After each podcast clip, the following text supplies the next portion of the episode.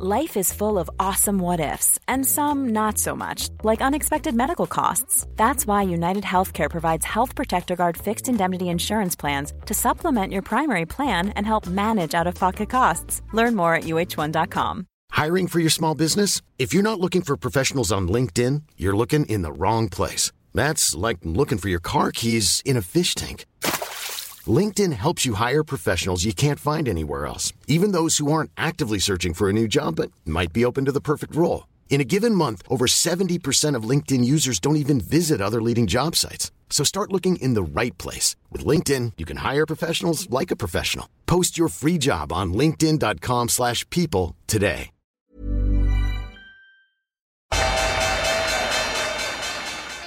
They mistook leverage for genius. Leverage for genius. I would recommend Japan. The governments don't rule the world. Goldman Sachs rules the world. Velkommen til episode 95 av podkasten 'Tid er penger'. En podkast med Peter Warren. Jeg er produsent og trykker på knappene. Og i dag har vi en rekke tema. Vi har eh, stort gamblingfokus i markedet om dagen. Du har hadde aldri så liten forsøk på en storming av Kongressen i forrige uke. Eh, se litt på de første dagene, handelsdagene i 2021. Uh, du fikk det kanskje ikke med deg, men Skagen holdt sin årlige Skagen-konferanse nå nylig. Uh, det var litt spørsmål om uh, knyttet til oljefondet, hvordan det er i forhold til Millennium. Skal ta opp det. Eh, opsjonsprising, eh, hedgefond og hvordan de gjorde det i 2020. Og anbefalte bøker i 2020. I tillegg til uh, kanskje vi toucher innom et par andre ting. Um, det var vel i går så var det en artikkel som mange la merke til, som ble heftig diskutert på Facebook-gruppa vår uh, på Tid er penger. En Facebook-gruppe om en podkast, eller hva den heter for noe.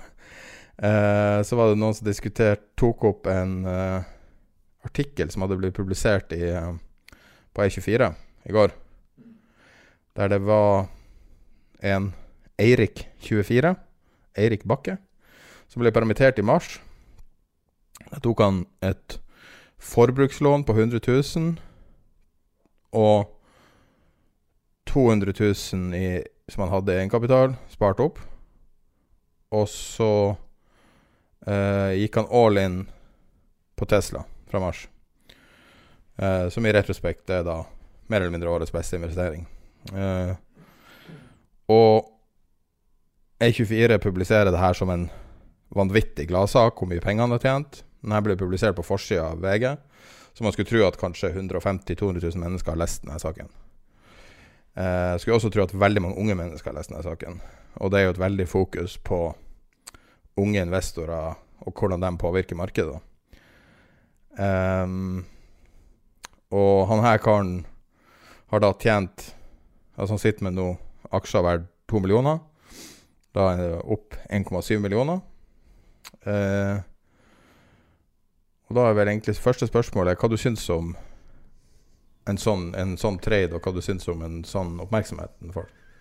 Du, kunne, du kan si at du kunne jo Du kunne jo for så vidt ha, ha byttet ut Tesla med en som gjorde akkurat det samme, altså som var i samme situasjon, og som gikk inn på et kasino og plasserte da pengene på f.eks. et, et tilfeldig valgt tall på, på rulett. Um, så for meg så er, det, så, så er, det, ganske analogt med det. Det er uh, Altså, jeg, jeg unner jo virkelig vedkommende uh, den suksessen. Men faren er jo, er jo, at andre tror at så enkelt er det. Mm. Eller at, at uh, vedkommende her sånn tror at den neste aksjen han plukker opp, gjør akkurat det samme. Ikke sant? Og, og, og, verden er ikke sånn. Så faren er jo at det gir et feil, et feil inntrykk. For han er det kjempebra. Og man sier jo ja, Han har ikke solgt. Ok. Uh, og man sier jo dette her om, uh, om rulett. Er at hvis du går inn på et kasino, og så f.eks. plasserer du istedenfor å prøve å finne ett ett nummer som, som, da betaler mer enn noe annet. ikke sant? Men du, du satser f.eks. På, på svart eller rødt. da. Og la oss si at du går der, og så satser du Tar du en million kroner og satser på rødt, og så kommer rødt opp. Altså du har doblet pengene dine. Matematisk, det du da skal gjøre, er å reise deg fra bordet, ta pengene dine og gå. Mm. For det lenger du spiller det spillet, det større sannsynlighet er det for at du taper. Og du kommer til å tape alt Mm. til slutt. Slik at Og det samme er her. altså Sjansen for at altså Finans er ikke så enkelt. Det er kjempebra at noen gjør det. Og det er jo noen altså Du kunne jo du kunne skrevet om vedkommende som Det var sikkert en eller annen lottotrekning denne, denne, denne uken også, eller i forrige uke. Og du kunne jo like godt skrevet om den som går av gårde med Jeg husker ikke hva disse her heter. Det er et eller annet uh, Joker, et eller annet. Uh, Tenkte du på det europeiske? nei, jeg tenkte, nei, jeg, nei, jeg tenkte faktisk på, på, på det norske, for du ser jo stadig Joker, der Joker Nord? Nei, Ja. Eller det er en vits? Jeg, jeg, klar, jeg Ja, men det, det er noe sånn hvor jokeren dukker opp, og plutselig så er noen to millioner rikere, og, Men det var Bård. Tufte Harald var det ikke det? Eller var Hva det? sier du? Nei, kanskje det var ekte? Ja, altså det er i hvert fall hvor en joker du, Men om det er Joker Nord, det vet jeg Joker ikke. Nord tror jeg er vitsen, men Ja. Joker er ekte. Joker tror jeg er ekte, men, men i hvert fall det er, det er akkurat det samme der. Men du kan si at når, når folk går av gårde med det i, um, i, i spill som du som vises på TV, så, så, så står det gjerne at det er eh, 25 millioner til én sannsynlighet for at du, at du kommer til å, å få den Altså hvis du tilfeldig valgt person kjøper, Mm. uh, få den gevinsten. Um, men det forstår man ikke på samme måte når noen gjør dette i, i, i finans. Da har vi en tendens til å tro at, at um, det er en Det er på en måte en annen form for sikret uh, kilde til, til mye penger. Og jeg kan forstå det, fordi du kan si at sentralbanker Og nå skal vi ikke dra opp det der i det kjedsommelige, fordi folk er sikkert lei av å høre om at sentralbanker og fellesskapet tar, tar regningen. Men det er jo faktisk det som skjer, og der, dermed så har du fått en hel nærmest generasjon, altså innenfor finans. Og jeg tenker på spesielt de som er kommet til finans etter 2008, som er vant til at, det er ikke noe risiko. Folk tror ikke at det, er, at det eksisterer noe risiko lenger, for de tror at nå er eh, potten blitt så stor at hvis noe skulle gå galt nå, så, så, så er jo staten nødt til å redde dem. La meg spille en video til deg, da. Som er del to i denne introduksjonen. Uh So,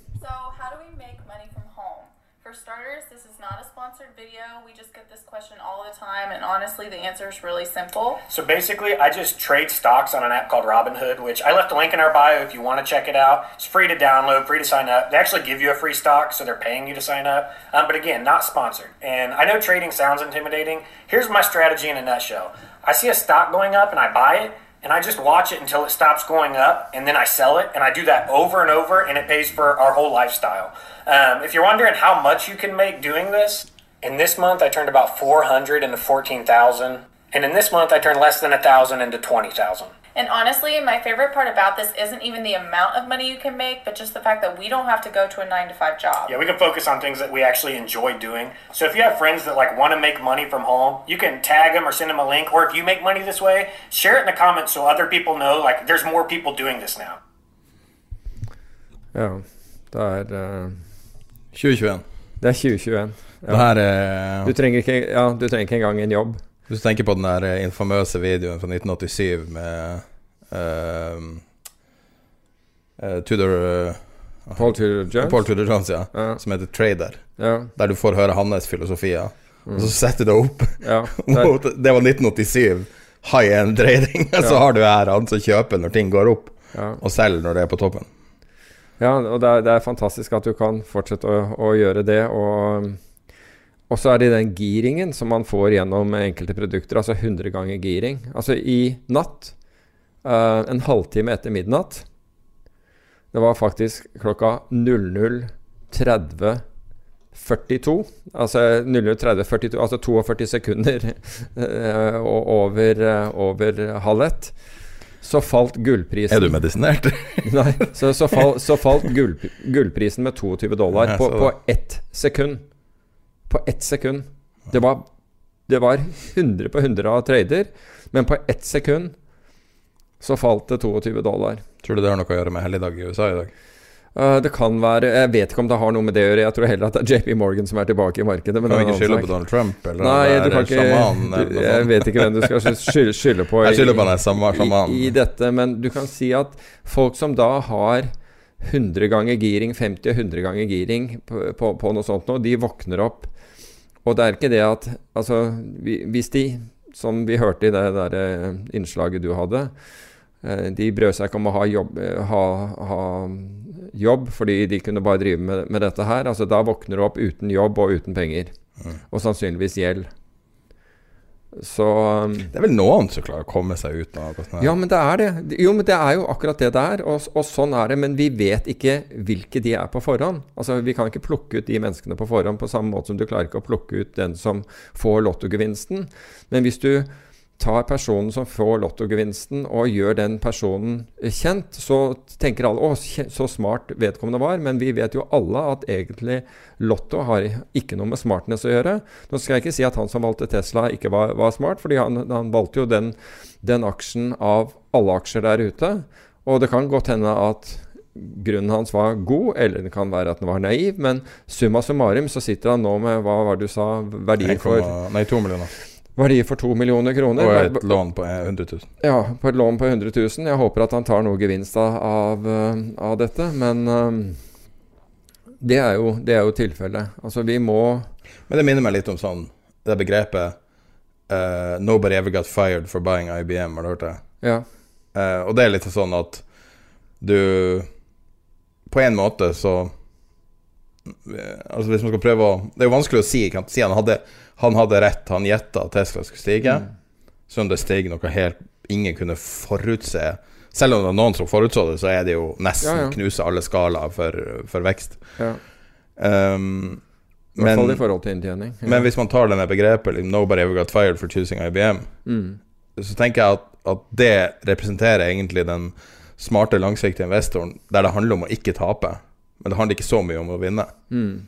Men hvis du ikke taper, så kan det her vare livet ut. Du må ikke være gangster som havner i fengsel eller dør før 40, og så kan du leve glamorøst fram til da. Det går an å ha velstand ut livet. Men det er vanskelig å tro at de her karene, de her TikTok-investorene, at de har uh, uh, Har penger når de er 80. Ja, hvis, hvis, det her er sånn det starter. Ja.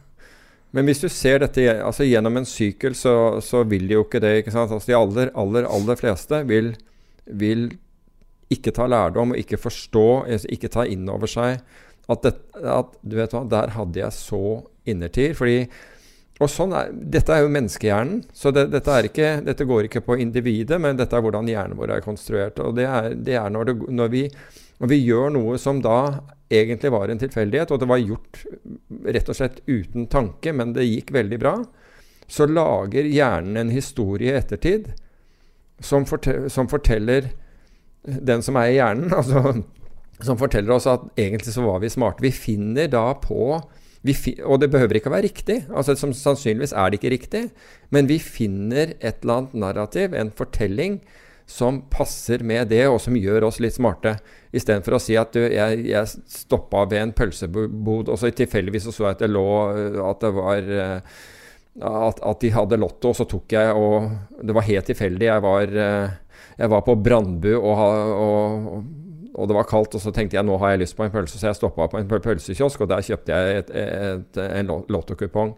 Ikke sant? Altså Noe som var helt sånn random på forhånd. Du hadde ikke planlagt å spise der, du hadde ikke noe, noe som helst. Men også hadde du ikke planlagt å kjøpe en lottokupong, men du fikk det fordi det var en reklame, så du, du, kjøpte den. Og så klarer vi etterpå å lage en eller annen form for narrativ at liksom, ja, men jeg hadde en veldig følelse over det der. Det var noe som sa meg at jeg, det der var, ville være smart om jeg gjorde akkurat da. Så vi lager vår egen smartness. Og vi gjør det alle sammen. Det er verst alt. Altså, alle er skyldige i å, å, å, gjøre dette her. Mm. Og det er det som er faren, at hvis du ikke begynner å selv å motvirke den tendensen du har til å, til å lage et narrativ som egentlig ikke er reelt, men som, som setter deg i et bedre lys uh, Hvis du ikke er til å motvirke den, så er, så er faren vesentlig større at du kommer til å tape de pengene. Men enn om du sa at du, der hadde jeg flaks. Du, det er helt utrolig. Jeg, jeg kjøpte der på måfå, fikk den derre Thank you God. Hva tror du folkene som kjøpte Signal Advance-aksjen på 60 cent, som nå er verdsatt til 13 dollar Mm. noen dager etterpå, fordi at Elon Musk sa 'bruk Signal', Ja. og så trodde folk at Signal var det samme som. Signal-appen. Oh, ja, akkurat. Eh, den er nå prisa på 13,52 dollar, verdsatt til 1,24 milliarder dollar. Eh, og da, eh, på 6. januar, når eh, reidet på Capitals det skjedde, så var det på 60 cent. Wow. Og den har holdt seg. Ja. Steg til 38 dollar, da. mellomtiden. Ja, men vi, vi har jo, vi har jo en, en rekke sånn historiske tilfeller av det hvor det holder seg forbausende lenge helt til det klapper sammen. Så vi har det. Og, og nå f.eks., hvor du ser at det er jo ikke shortselgere i markedet. Altså vi er på det er noe av det laveste nivået vi har noen gang har sett når det gjelder shortsalg. Um, vi er på Det skjønner og, jeg ikke helt, med, med tanke på det vi sa sist, om at uh, Interactive Brokers-sjefen sier at, at uh, kundene er netto short. Ja, nei, det, det, stemmer jo ikke med det i det hele tatt. Men nå ser vi på aggregert nivå for USA. Der er det, det er record, record lows når det gjelder shortsalg. Vi er på record highs når det gjelder spekulative opsjonskjøp. Og det er. Call, nei, call, call-opsjoner. Record highs. Altså det, det, altså det har blastet igjennom den forrige highen med, med så stor margin. Og i tillegg så starter, dette, eh, så starter vi 2021 med markedet med Det amerikanske markedet har aldri startet et år med høyere verdsettelse enn i 2021. Så du kan si at det er så mange altså Hvis du skulle tikke av bokser på liksom Ja, er dette i IPO Hvor det- ung selskapene er med IPO, det er jo det Ja, måles nå. Ja. Det har jo stupt i alder. Det er jo ikke mange år siden jeg husker det var klager over at de mente at IPO-en sin tidsalder var over. Fordi at selskapet var så velfinansiert Mm. i venturefasen. Så selskapet ble ikke børsnotert før de var 15 år gamle. Og det er jo definitivt ikke tilfellet nå lenger. Nei. Så Mens på, på Skagen-konferansen, som vi skal litt inn på etterpå, så, så sa Nasim Taleb at uh, at gjennomsnitts SMP 500-selskap det, det lever 10-11 år. Mm. Ja. Ikke sant? Og du tror jo liksom Så ting har, har, har endret seg her. Altså. Så, 95% av alle selskaper er jo konkurs etter fem år i Norge. er, det, er det virkelig så 95% Det høres voldsomt ut. Kan det være mulig? Det De fleste blir bare starta og avvikla. Ah, ja. Det hører Ja, okay. Det Det er vanskelig å drive seg sjøl. Det er vanskelig å drive er- business. Absolutt. Absolutt. Det er jo den der vanvittige vandrehistorien eh, om, som er um, Jeg kan live faktasjekke, men som er da de her verdens rikeste møtes til en middag. Uh, Ok. Uh, på 20-tallet Skal vi sjekke om den er um, Så var det verdens rikeste møttes for en middag for å hylle seg sjøl. og så ehm, Så var det en helt sånn gigantisk fest, og så ti, ti år etterpå, eller fem år etterpå, sånt, så uh, var alle blakk. Uh, halvparten var død, flere var innlagt på sinnssykehus. Det var liksom bare masse selvmord. Og, og det var uh, før og etter 1929. Og du fikk et sånn vanvittig hamskifte, da. Okay. For dem som var der, var fyrstikkprodusentene og eiere av jernbane og alle de tingene som hadde vært het fram til da. Mm. Litt sånn som Som eh, fiberinternett i 2000. Eh, og så forsvant det, så, fikk, så bare forsvant alle selskapene. Og det er, jo, det er jo det som skjer. Men det er jo litt vanskelig å ta det inn over seg når du ser at Apple har uh, tilsynelatende alle pengene i verden på konto. Ja. Og så er de også dømt til Ja. å feile på et eller annet tidspunkt. Men eh, altså, apropos det, husker du eh, Jeg fortalte at jeg hadde fått en telefon forrige gang når jeg, når jeg eh, var på vei til studio. Da hadde jeg fått en telefon, og jeg var helt overbevist om at den kom til å handle om bitcoin, men så handlet den om et, et, et selskap på, på Euronex Growth. Mm. Og en som spurte meg, og der var det en, en som hadde blitt st- styrterik eh, på kort tid. Uh, tjent 10 millioner kroner på, på kort tid på et selskap. Jeg skal ikke bry meg om å nevne det. Og så spør vedkommende meg, meg o- om, uh, om hva jeg syns. Og så sa jeg at nå, nå kjenner jeg ikke selskapet, men jeg ser at det selskapet de siste, den senere tiden har fått veldig mye oppmerksomhet. og, og jeg, jeg, ser på disse chat-kanaler og alt, og at det her skal det kjøpes. Og jeg sa det, for meg er det aldri et, et bra tegn. For han, han, lurte på om han skulle anbefale han kameraten sin og om det, om det var noen opsjoner eller noe sånt. Det, det fantes ikke på dette selskapet. Men, men jeg sa at han kan jo redusere han kan i hvert fall redusere det han det, Altså redusere den posten, så han sitter igjen. Jeg tror det selskapet er ned 30% siden. Men uten at vi trenger å gå inn og han var jo garantert gira også hvis han tjente 10 millioner. Så. Ja, det, det, vet jeg ikke. Sikkert stoppa ut. Og, og, man var Nei, men altså, jeg håper jo i hvert fall at man, man fikk noe, noe, ut av det der. Så Men hva du syns om at E24 publiserer helt ukritisk en sånn sak? Altså du kan Nå har ikke jeg lest den i, i detalj, jeg, jeg, bare så overskriften av det, så jeg vet ikke hvor, hvordan, uh, hvordan dette forløper seg. Det er ganske ukritisk. Ja, altså, jeg, de stiller ikke spørsmål med risikoen de har tatt i det hele tatt. Nei. Nei, ikke har ikke de et samfunnsansvar? At VG er altså, Norges største hjemmeside? Jo, altså de, de, de har, det, det, kan man jo godt si at disse store avisene har, for all del.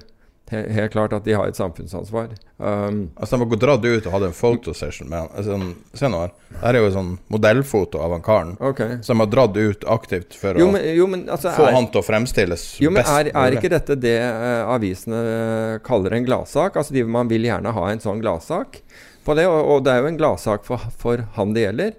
Og, ikke sant? Altså, det er jo veldig bra. Jeg bare håper virkelig at han Prøver du å være djevelens advokat nå, eller mener du det? Hva da?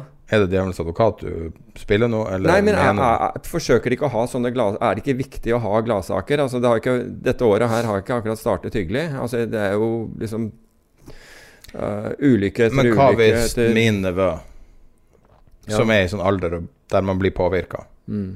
um, leser denne saken og uh, klarer å høsle seg til et eller annet sånn Altså Jeg vet ikke om han, han er altfor ung til å signe opp sjøl, men han kanskje får til å lage en sånn konto. Mm. Og så er det noe uregulert greie, og så plutselig La oss si at det er noe du kan gå i minus med. Altså, det her kan balle på seg fort. Ja da.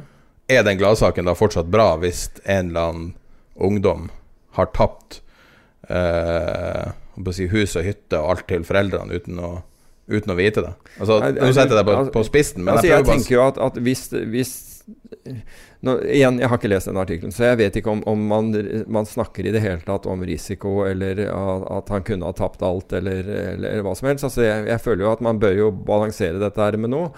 noe um, og Altså, man ville jo ikke gjort det altså, Du kunne jo igjen, du kunne gjort dette om en som gikk inn med samme forutsetning, hadde mista jobben, gikk inn på kasino og sant, kom ut igjen noen timer senere med, med, en, med en, formue. Uh, og det ville jo også vært en hyggelig sak der, og det, uh, på samme måte folk ville synes det var, det var bra. Det som er faren, er jo hvis folk tror at ok, dette er enkelt å gjøre, og så får du da en hel haug som går inn på samme kasino, i anførselstegn denne gangen, uh, og brenner pengene sine. Mm. Det og det er, det er, fort gjort å gjøre. Det er fort gjort å gjøre. Så du kan si at Ja, altså hvis du tar den kasino-analogien, så Men det er en form for det. Ja, altså sånn det, Du skal ikke så veldig mange ganger doble opp før du har alle pengene på jorda. For du har geometrisk utvikling. Ja, du har geometrisk utvikling. Ja. ja det er jo det sjakk. Det er sjakk uh, med riskorn på sjakkbrettet. Så 64 64 brikker. Okay. Så starter du med ett riskorn på første A1. Mm -hmm. Og så eh, legger du to riskorn på B, B1. Så legger du fire riskorn dobbelte av B1 på C-en. Og så er det dobbelte av fire, åtte, på D1. Når du kommer til det siste brikken Nei, det siste så har du alle riskorn Altså så har du like mange riskorn som du har molekyler i verdensrommet. Wow, okay.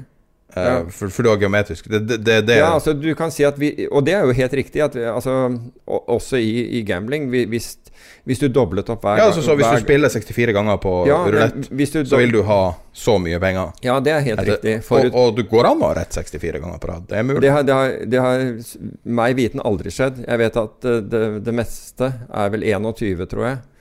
Uh, som skjedde et sted i Midtvesten i USA. Der, var det, der kom der kom tror jeg Rødt opp 21 ganger etter hverandre. Jeg tror det er rekorden. Vet du hvordan Donald Trump mista kasinoet sitt til slutt? Nei. Uh, det var en japansk gambler Um, Tenkte han ikke betalte regningene sine. Men, som heter uh, Jeg måtte bare slå opp, jeg husker navnet hans. Akio Kashiwagi. Som var og spilte på Han hadde tre kasinoer i, i uh, Atlantic City. Ja. Mm. Som gikk veldig dårlig. Uh, angivelig så gikk det bra når kona han, datidas kona, som får veldig mye æren for at det der hele tida, hele tida altså ble bygd opp. Okay. Og så tok han mer og mer over. Og så kommer da Så gikk det skikkelig dårlig i 92, og så kommer han her eh, japanske gambler inn, begynner å spille eh, og, og vinner noe sånn som 10 millioner dollar.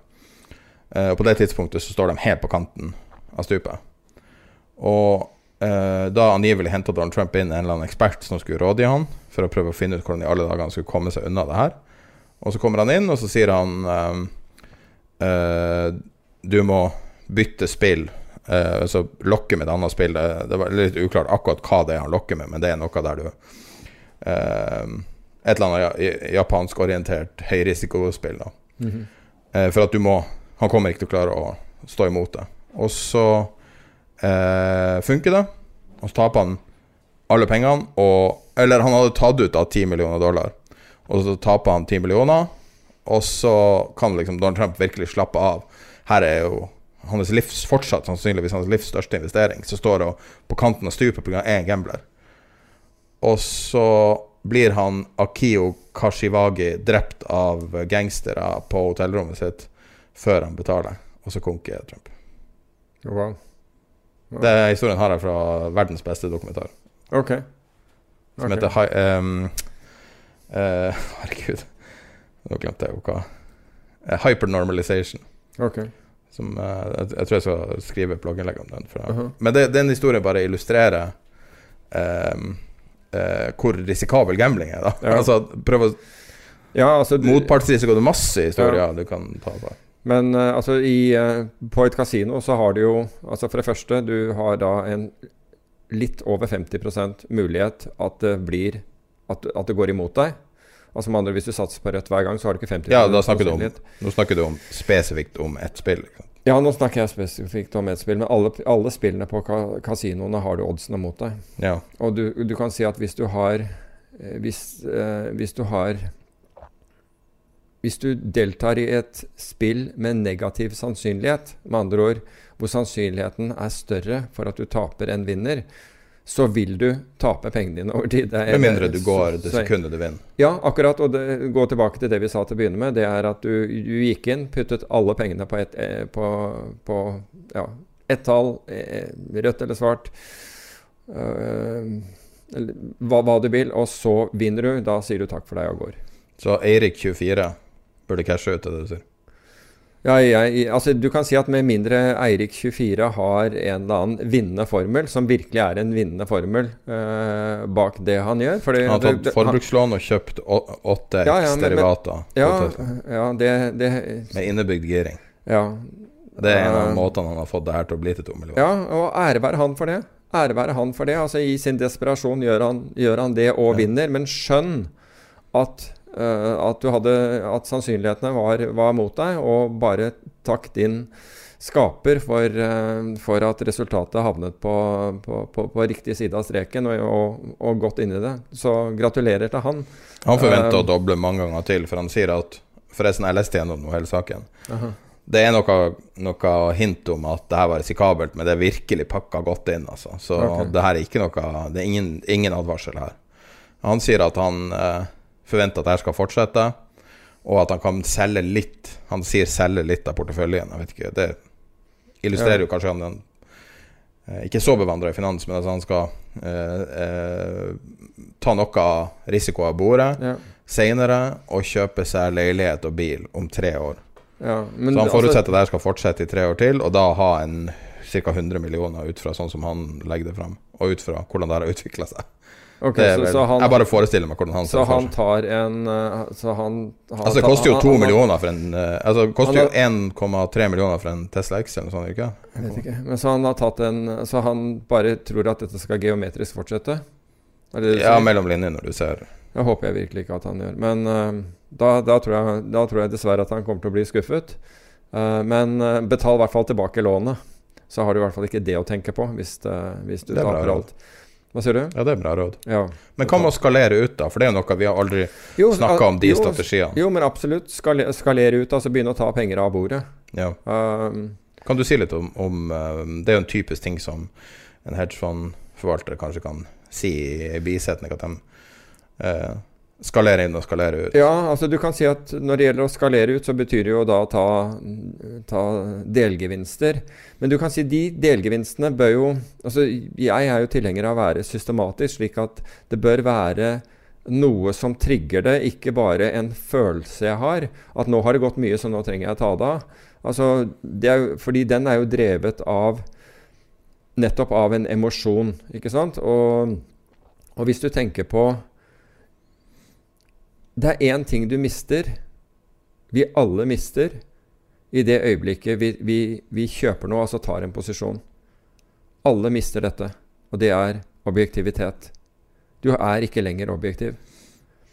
Og Det betyr at hvis vi skal klare å gjøre sånn, så bør vi ha kriteriene der på forhånd. Altså Det kan godt være en, et kriterium at hvis jeg dobler pengene mine, eller, eller, annet, eller hva som helst, så begynner jeg å, å ta, ta, penger av bordet. Eller det kan være at hvis, hvis, hvis prisen på selskapet overstiger uh, inntjeningen med altså, Tusen ganger? Ja, med, med, med, Tesla så er det jo vanskelig å, å, finne på det tallet. Overse salget, hva som helst. Men på et eller annet altså noe som gjør at du at du, du, du, du, hamstrer noe gevinst underveis. Uansett kan jeg fortelle deg at hvis det der klapper sammen Altså Hvis det fortsetter å stige, så er du misfornøyd. Altså, du, er misfornøyd uansett. Mm. Hvis det fortsetter å stige, så er du misfornøyd fordi du ikke har alle pengene i det og, og, har lånt mer. Hvis det faller, så er du misfornøyd fordi, fordi du ikke solgte alt. Og sånn er det. Det er et veldig interessant poeng, fordi at jeg tror det ikke det går an å exit en trade fornøyd, hvis du har det utgangspunktet. Uansett så er det could it, should it, would it. Ja. Det er et godt poeng. da. Jo, Hvordan bekjemper man det? Ja, nei, Du må kjempe med din egen syke. ikke sant? Du må rett og slett kjempe med din egen syke og ha en grunn for det du gjorde. Og Hvis grunnen er at jo, jeg, hvis kursen gikk til det, eller hvis jeg, verdiene mine kom til det, så skulle jeg da skulle jeg kvitte ut lånene som, som, som, som gjaldt det produktet. Du trenger ikke å kvitte deg med boliglån nødvendigvis, men hvis var, du hadde lånt penger for det, så, så betalte du det tilbake igjen. Da er det mye lettere å rasjonalisere hvorfor du har gjort noe, og fortsatt være fornøyd. Slik at hvis du har en begrunnelse for ok, ved det nivået, så skal jeg gjøre det. Hvis jeg, hvis jeg selger x antall på dette nivået, da er jeg, må, da er jeg fullstendig gjeldfri. Um, eller jeg kan gå og kjøpe meg en leilighet, eller hva som helst. Men hvis du lar dette gå nedover, og så ser du at nå kan jeg ikke kjøpe leiligheten, nå har jeg ikke råd til bilen, nå har jeg ikke råd til noe, altså plutselig går lenger og lenger ned, så er tendensen til at du vil ønske å øke risikoen din isteden. Så da kan du bli enda mer gæren. Og da Det er interessant. Interessant at uh, det går den veien. Ja. For næringsdrivende ofte, har jo ofte en tendens til å gjøre det motsatte. Det er jo en sånn kjensgjerning at du bruker ofte å kutte i reklamekostnader det sekundet det bikker. Mm. Selv, kvitte deg med PR-folk, kvitte deg med alle de kostnadene. Ja, nettopp. nettopp dem du trenger for å tjene penger. Ja. Så det er litt interessant at det er helt motsatt på en måte intuitiv ja, reaksjon. Og, og, derfor så er det er jo det vi må kjempe mot vår egen syke. Det er derfor det, dette med mental trening, om du vil, er såpass, eh, er såpass viktig. Men det, der, det poenget der at at du sitter uh, og alltid er misfornøyd etter en trade hvis du har feil innstilling. Ja. Det er faktisk utrolig Når jeg tenker meg om de få gangene jeg har forsøkt meg å mislykkes på trading, mm. hvor umulig situasjon det er å være fornøyd uten å være klervoajant. Ja, og, og, det har jo også noe med at du, du, du analyserer din egen på en måte atferd, hva, hva, du driver med. ikke sant? Altså, det er veldig lett å ønske å stimulere andre behov enn, å, enn, enn penger. Mm. F.eks. behovet for spenning. Behovet for å ta risiko. For å ha rett. Hva sier du? For behovet for å ha rett. Behov for å ha rett. Altså, det, er jo, det er jo en av de virkelig tøffe tingene du driver med i, i, i trading og investering, det er, det er, at du er overbevist om at du har rett, og så, og så, tar du feil. Og så går dette nedover. Og du føler at i det øyeblikket jeg kutter det, altså jeg kutter posisjonen med tap, så har du innrømmet da, Det er en innrømmelse av feil. Slik at du gjør ikke det. Du lar det gå lenger og lenger og lenger og lenger og lenger mot til til meglerhuset eller banken din sørger for at, å, å, gjøre det med deg på et mye dårligere nivå. Ja. Og f.eks. I, i år og det må jeg si, I år så har markedet skiftet veldig takt i, i disse to ukene. Ekstremt, eh, du har noen ekstreme bevegelser i, i, begge retninger. Og jeg må se for egen del Det å ta stopplåser og, og noen timer senere så er markedet tilbake igjen der, der, der, det var, altså der du hadde gått inn. Og det, det på en måte oppfordrer deg, da, altså igjen i, i anførselstegn, og tenker at ass, risikokontroll det virker ikke. Altså det der å kutte, kutte, tapene før de blir for store, det virker ikke. Bare se, det går jo tilbake igjen hver eneste gang. Og så lurer du deg selv til å tro det helt til the, the big one kommer. Og da er det liksom da, da, kommer det ikke tilbake, og det gjør ikke du heller, for å si det på den måten. Så, så det er jo noen som sier at liksom det første tapet er det minste, og, og, og det er jo helt riktig. Og Det er det øyeblikket vi tror vi er i kontroll. Vi er ikke i kontroll. Vi kan forsøke å kontroll, kontrollere oss selv, men vi er ikke kontro i kontroll av markedet. Og det ser jeg også for egen del. Når jeg får store tap, så er det fordi jeg ser altså Markedet begynner å gå mot meg, men jeg føler egentlig at jeg har kontroll. Dette her har jeg sett før. altså det, Ting er egentlig helt ok. Og så plutselig så, så, så er det ikke det. Plutselig eh, renner det på litt. Så det er på en måte Det er igjen Altså, markedet er ikke deg mot markedet, det er deg mot deg selv. Hver dag. Deg mot deg selv. Jeg tenker på det her. Det er virkelig interessant å prøve å Man alle ser det jo gjennom sitt eget spekter, da. Ja. Men det der uh, Altså, den fighten man har uh, om, om, å ikke For meg så, så det, det, er jo selvfølgelig min svakhet, da, men så er det ønsket om å ha rett ønske om å liksom klare å se til se mønster andre ikke ser. Det tror jeg sitter utrolig dypt i de fleste. Altså. Ja. Og jeg merker eh, personlig som produsent av en podkast, så har jeg det siste året forsøkt å moderere mine egne følelser knytta til temaet. Fordi at jeg kan bli dratt med veldig i det, og ha mm. veldig sterke meninger om ting som jeg har middels kunnskap om, eller eller mange vil kanskje si null kunnskap om. Mm. Men, eh, og det å prøve å moderere seg og ikke bli emosjonelt tilknytta til utfall. For det virker Det som var min åpenbaring, var at ting er relativt relativt tilfeldig, altså. Ikke tilfeldig, men kanskje feil ordbruk. Men det er, det er, en stor grad av tilfeldighet i verden, og det er veldig, veldig veldig vanskelig å spå noe som helst. Ja. Altså å spå været i morgen. Uansett. Det er vanskelig. Det er vanskelig å spå framtida. Ja, og så må du også huske på at vi som mennesker er ekstremt sårbare. Altså dagsformen er, er ekstremt viktig for, for, for, for, utfallet. Og det kan være at vi egentlig føler oss helt greie, men vi er ikke det. Altså, du kan si du må på en måte sjekke av deg selv eh, lite Grann. Og, og i den forbindelsen så, så Bare se nå har eh, Nicolai Tangen eh, han ansatte Anders Mæland, i hvert fall kom, kom, uh, ble det annonsert i forrige uke. Uh, som, som, da er idrettspsykolog. Det er han som skrev boken som vi har snakket om i podkasten mange ganger, 'Stillhetens råskap'. Som handler om mindfulness. Altså han, så du kan si at han ønsker da å øke performance hos sine, sine medarbeidere. Og her i, i, altså Det er bare et, en håndfull der som på en måte er risikotakere i og med at de driver indeksforvaltning. Men han ønsker jo dette, slik jeg forstår det, på et, bredere, på et bredere nivå. Og sørge for at folk presterer bedre. Og det handler jo om å få tak i deg selv. Og, og, og bli så god som, som, du kan bli. Være den beste versjonen av deg hele tiden. Og det er jo, det er jo umulig, men det er i hvert fall noe vi kan Vi, vi bør streve etter å, å bli, da.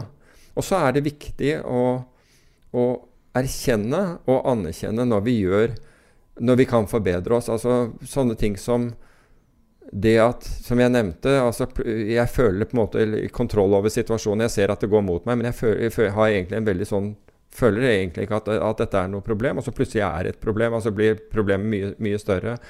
Det å, å, notere seg det hva var det som, hva, Hvordan var det jeg tenkte før? Hva var som hvordan, hva, hva, var årsaken til at jeg ble sittende lenger i, den, i, denne, i, denne, traden? Kan da, ved å skrive det ned, så har du i hvert fall noe holdepunkt for fremtiden. ved å si at det virka dårlig. Der gjorde jeg skikkelig. Det var en ordentlig tabbe. Slik at hvis du er i en situasjon igjen, du ser det begynner å gå mot deg, så drar du frem den Ok, her bør jeg skjerpe meg. Jeg føler meg, jeg er for komfortabel i denne situasjonen. Pass på stopplåsen, at det ligger på, på, på et fornuftig nivå nå. Um, så det er mange ting vi kan gjøre. Og det er, det er, jo det som er på en måte det spennende med trading. Og Jeg vet at vi går litt langt ut på, på vidda, men på, på, Discord forleden så var det en eller annen som, som, som stilte spørsmål ved at at bare for at noen har vært bra trader i, i, uh, en eller annen gang i, i, fortiden, betyr ikke at de er gode tradere nå, eller, eller vil være det, være det, fremover. Og det er jo helt riktig, for verden forandrer seg, og det gjør mennesket også. Du kan si at Ja, du eldes. Ja, du eldes, men du kan, det kan jo være at du, du, har gjort det bra en periode, så, så du er på ingen måte like sulten. Markedene forandrer seg, du, og, og, og, du forandrer deg ikke fordi du, du, fortsetter akkurat i det samme sporet du, du var. Bare se på pit-tradere i Chicago. Et veldig godt eksempel, og særlig den ene Den heter vel Floor? ja, den dokumentaren, når de sitter og snakker med de karene som sitter dritings. Ja. Og så sitter han i fin leilighet med et eller annet piano. Du ser jo at denne er det mest håpløse mennesket ja, ja, på jorda. Han er som dinosaur. Han er mer dinosaur enn et skjelett på et museum. Liksom. Og um, og Det er et veldig relevant spørsmål å stille. Er, er, klarer man det? Og det er, det er, jo de færreste som har klart å tilpasse seg markedene gjennom alle de fasene markedene har vært i, hvis du går fra 80-tallet til nå, og, og, nå hvor Ta f.eks. high frequency trading, og det som skjedde bare gull i, som jeg akkurat nevnte, da, med, med 22 dollars fall innenfor ett sekund. Um, er, altså hvis, du til, hvis, du ikke tilpasser deg at sånne ting kan skje, så blir du ekstremt sjokkert, for å si det på den måten, når du våkner opp og det der gikk ikke så bra. Nå er jo gull tilbake igjen til eh, der hvor, hvor det var før det begynte å falle. Men, men i mellomtiden så Det hjalp deg ikke hvis du ble stoppet ut på bånn, for å si det på den måten. Eller fikk en veldig dårlig stopp. Så, så du kan si at jeg, jeg, arbeider sammen med en, en gruppe programmerere, statistikere, matematikere. Og, er, og, og, vi jobber hele tiden med, med modeller og, og, forbedre modeller. Og se om du kan uh, uttrykke ting i, i, modeller. Og der er det mange ideer. altså der, Det kommer ideer i løpet av helgen og alt mulig sånn frem og tilbake på det. Nå i helga? Ja, hver helg, egentlig. Men, uh, men, men, poenget er at er å teste ting. ikke sant? Altså, vi, alt skal testes for å se om det holder, om det holder vann. Er det, altså Hvis vi gjør en sånn forbedring Hvis vi nå går tilbake ok, det er, Hvis vi nå ser at den forbedringen ville ha hjulpet la oss si den siste måneden, så vil det være vår insample. Altså den der Ok, vi, vi, ser at hvis vi gjør sånn og sånn, siste måneden vil tallene vært bedre. Nå kjør den på en mye lengre, eh, lengre perspe perspektiv, tidsperspektiv, for å se hvordan har den vært da. Og ved å gjøre det, altså du må få med deg ekstreme perioder i markedet også, ikke sant, à la covid, det som skjedde under der, for å se ville det ha overlevd det. Ville det ha klart seg det, istedenfor at du tar perioden fra covid til nå, og så lager du en eller annen modell som vil ha tjent penger på, på den der fasen, og så sier du OK, se, se, se hvor, hvor, bra jeg har gjort det i den perioden. Det er bare curve fitting. Mm. Ikke sant? Du, sannsynligvis hvis du sto rett før covid, så ville modellen din vært en helt annen. Du bare tar ta meg akkurat den. Og det er jo forskjellen på hvordan man tester ting. Altså Du tester ting, du, du danner en hypotese. La oss prøve dette. Og så tar du et, et, et, et liten uh, sample av tid og sier at ok, vi justerer den, tilpasser den litt for det vi ser her. Og så tester vi den på helt andre perioder for å se om dette holder vann. Ikke, som, som, da ikke var med i grunnlaget. Det kalles out of, out of sample uh, testing. Så, Før kunne du gjøre det her på Contopian som vanlig dødelig? Ja. Nå har vel Quantopian lagt ned når de ble kjøpt opp av Robin Hood? Ja, riktig. Uh, ja, du kunne gjøre det på, på Quantopian, kunne du gjøre det på, men du, du kan gjøre det nå hos WorldQuant også. Okay. Men det man må huske, og der faller alle, de aller aller fleste investorene i Norge ut. Også WealthX også. Ja, det, jeg kjenner ikke den, men, eh, men, eh, jeg vet i hvert fall WorldQuant. Og det er at de er ikke De er ikke interessert i noen strategi som har beta. Altså med, med, med, andre ord at hvis du tjener penger på det at aksjemarkedet stiger og faller, altså det er det som er hovedelementet ditt for å tjene penger, altså med andre ord marked, altså du girer markedet eller noe sånt nå, de gir deg null for, for det. det. De skal ha alfa, altså det at du klarer å tjene penger uavhengig av retningen av markedet. Uh, og det er veldig få. Altså I Norge så er vi ekstremt aksjefokusert, så vi, og det ser du også. altså Går aksjemarkedet opp, så, tjener, så, er det fryktelig mange som tjener penger. Og går aksjemarkedet ned, så, så taper de de samme pengene sine. Um, så de er på en måte helt avhengig av at tidevannet kommer inn og fortsetter å stige og fortsetter å stige. Ja, og eiendomsmarkedet også, for så vidt. Ja, ja, men det er vanskeligere å teste strategier på eiendomsmarkedet, tenker jeg. Det er mulig at du kan gå long short der også, men, uh, men det er det Så World, WorldQuant, hvis, de, hvis du klarer å komme opp med en modell, så er WorldQuant villig til å leie den modellen av deg og gi deg en del av gevinsten. Uh, og, og uh, Igor Tulsjinskij for, for, fortalte om De hadde en, en, en, uh, en bonde i Taiwan ja, du fortalte flere ganger. som, da hadde, som da hadde tjent 200 000-300 000 dollar i året på, på, på, dette. Jeg bare, Mens du snakka, så søkte jeg bare på alternativer til opp igjen. Og Da kom jeg over det som ser ut til å være et veldig seriøst community. Uh, som er Hvis du vet hva Reddit er, så vet du hva en subreddit er, og det her heter algotrading. Okay. Uh, det ser ut som uh, Som det i hvert fall er Hvis du driver med det, så tror jeg det er ikke så dum plass å, å, lese seg opp. Og det er jo Man kan jo lære veldig mye på YouTube nå, og du kan lære veldig mye. men jeg tror fortsatt at det er veldig få ting som matcher å lese ei bok om noe, eller gå i dybden. Men jeg tror, eh, altså, vi, vi har snakket om Jack Schrager før, altså han som har skrevet uh, disse Market Wizard. Market Wizard-bøkene, korrekt. Og, og, han har jo et sånt opplegg hvor du kan laste opp resultatene dine. Og hvis resultatene dine er altså, Så er de villige til å eh, Så er de villige til å funde deg. Mm. Og det er mye lettere å bli fundet hvis, altså, det, er, det, er, mye lettere altså, at folk får leie modellen din og, og bruke den, altså, hvis, hvis, du er flink, enn å tiltrekke deg penger. At, at folk da, f.eks. institusjonene gir deg penger hvis, hvis, La oss si at du er en student, da, eller en som ikke har vært i finans før og har en track record, og, og folk vet hvem du er, så er det veldig vanskelig å få, nye, få, få, få penger fra, fra, fra, store investorer. Ja. Da. Men, så det er en måte å gjøre det på. Ja. Uh, vi har holdt på i 46 minutter, og nå begynner vi på tema én. Regnearket. Hørtes uro, urovekkende ut. Uh, 6. november Nei, 6. november, 6. januar uh, er, må være en av de merkeligste dagene i nyere historie. Altså. Det er min kusines bursdag, men det er ikke det du refererer til. Um, så hvis vi tar aksjemarkedet og finansmarkedene først, ja. uh, så skjedde ingenting. det var pluss minus null. Jeg tror det var halv, et halvt prosentpoeng det kosta Nasdaq. ja, altså markedene, markedene, endte opp, mener jeg, den dagen, så Så vi, vi hadde storming av, um, av uh, Kongressen. Capital Building, Kongressen. Mm. Og uh, en helt utrolig kjedereaksjon av hendelser etter det. Um, hva, hva, er det å si om det her, egentlig?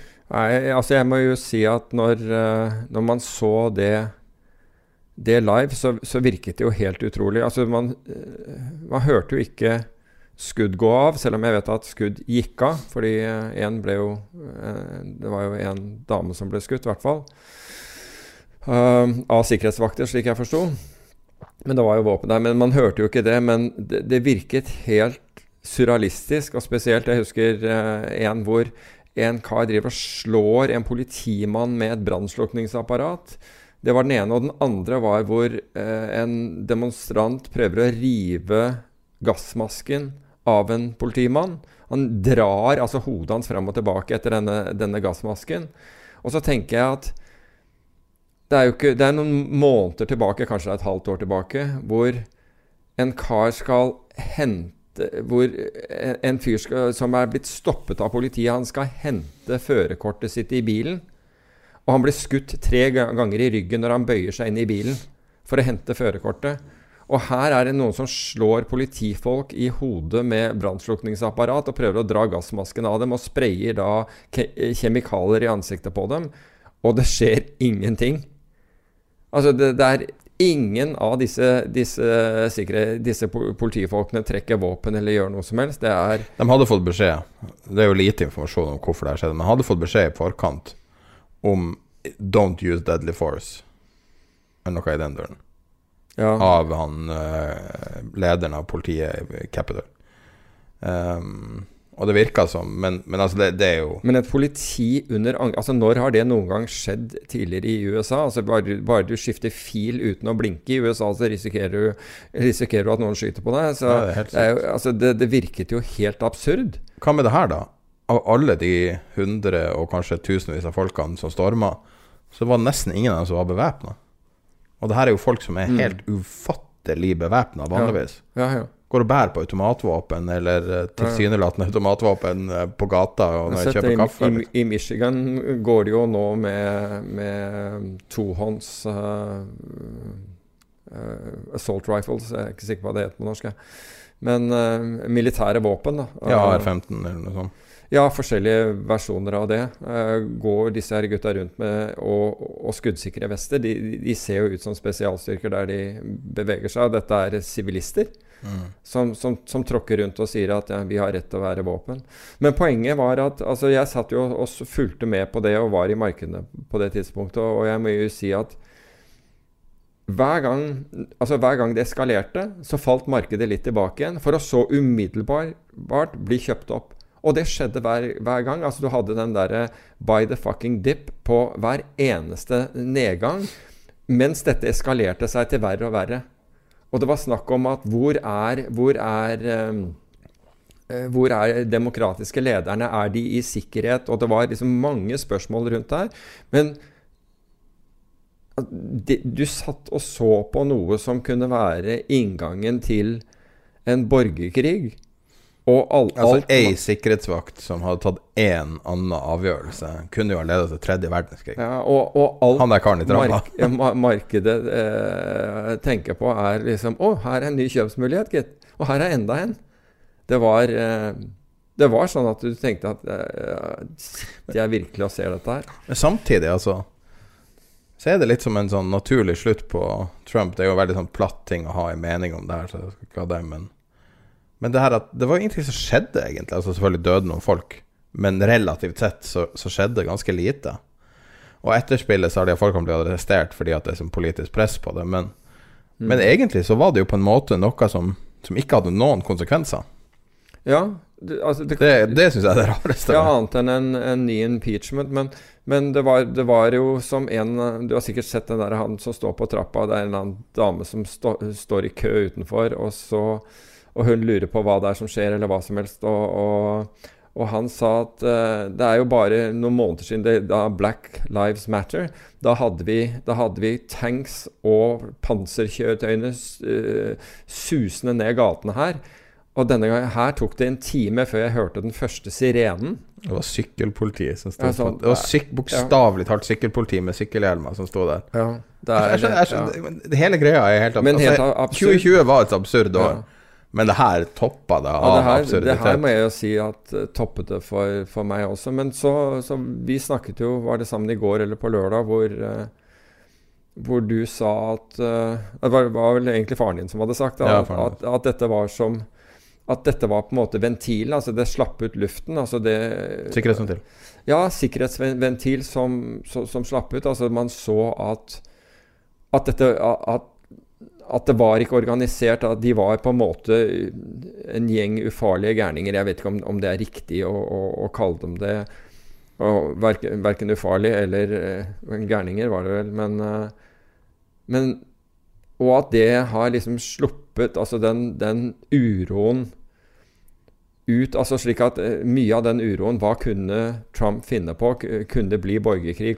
Ville, hvordan ville Forsvaret Eh, amerikanske hæren reagere osv. Og, så og at, at, man så at man gikk tilbake til en form for normalitet. Altså For det første, de var ikke organiserte. De, de surra rundt og tok selfies. Altså, altså, altså, Det var jo Instagram-revolusjonen. Ja, det, best, altså, det, beste med det hele var jo, var jo, at de hevdet da at det var da Antifa-folk, altså demokrater, som hadde gått inn, og, og, og, og disse Trump-supporterne egentlig sto utenfor. Til tross for at de ble filmet på innsiden og tok bilder av seg selv. Det var som, det var som en eller annen sa på, på TV der borte. altså Disse idiotene klarer, klarer jo altså De har jo selv produsert all, all, alle bevisene nok til å, til å, få dem dømt. Men det kan jo være at grunnen til at de ikke var redd for å vise ansiktet, var at de trodde det ikke ville få konsekvenser. Ja, det kan jeg jo forstå, for Trump hadde jo lovet at han skulle gå med dem. Eh, være, være blant dem og gå ned Pennsylvania Avenue. Det sier han jo i den talen, og det, han var, sto med dem. For så, en del timer etterpå, øh, hvor han ikke har sagt noe, Eh, begynne å fordømme dem. Altså, jeg lurer på hvordan de føler, uh, føler om det. At han har på en måte nesten forrådt dem i ettertid. Altså, de gjorde som han sa, og nå mener at de, han at disse skal få lange fengselsstraffer. Det er jo interessant. Men ingenting forundrer meg. Hva, hva du tenker med, hvis du setter deg opp mot uh, de militære erfaring der du har besøkt land som er veldig dysfunksjonelle av en eller annen grad, skulle jeg tro, da. Ja ofte besøker jo folk fra i militære dysfunksjonelle land. Hvordan vil du sette sånn der type situasjoner opp mot USA nå? Er USA på kanten av stupet? Det er så vanskelig å tro, syns jeg. Altså, de eh, land som jeg har vært i, sånn, de har jo, der har det jo vært ekstrem uro og, og utrygghet i utgangspunktet. Og man har jo derfor også reagert med, med, med de maktmidlene man har, har. da. Um, Men hva er det som egentlig trigger en revolusjon? Er det matinflasjon? For det har jeg hørt mange ganger, at, at den selve triggeren av en ekte revolusjon Kan være matinflasjon? Ja, altså inflasjon, altså ja, økte priser på mat. Ja, at det er ofte en sånn endelig trigger, fordi at folk, når folk blir sultne, så blir de desperate. Ja, altså du kan jo si Ta the, the Arab um, uprising, da.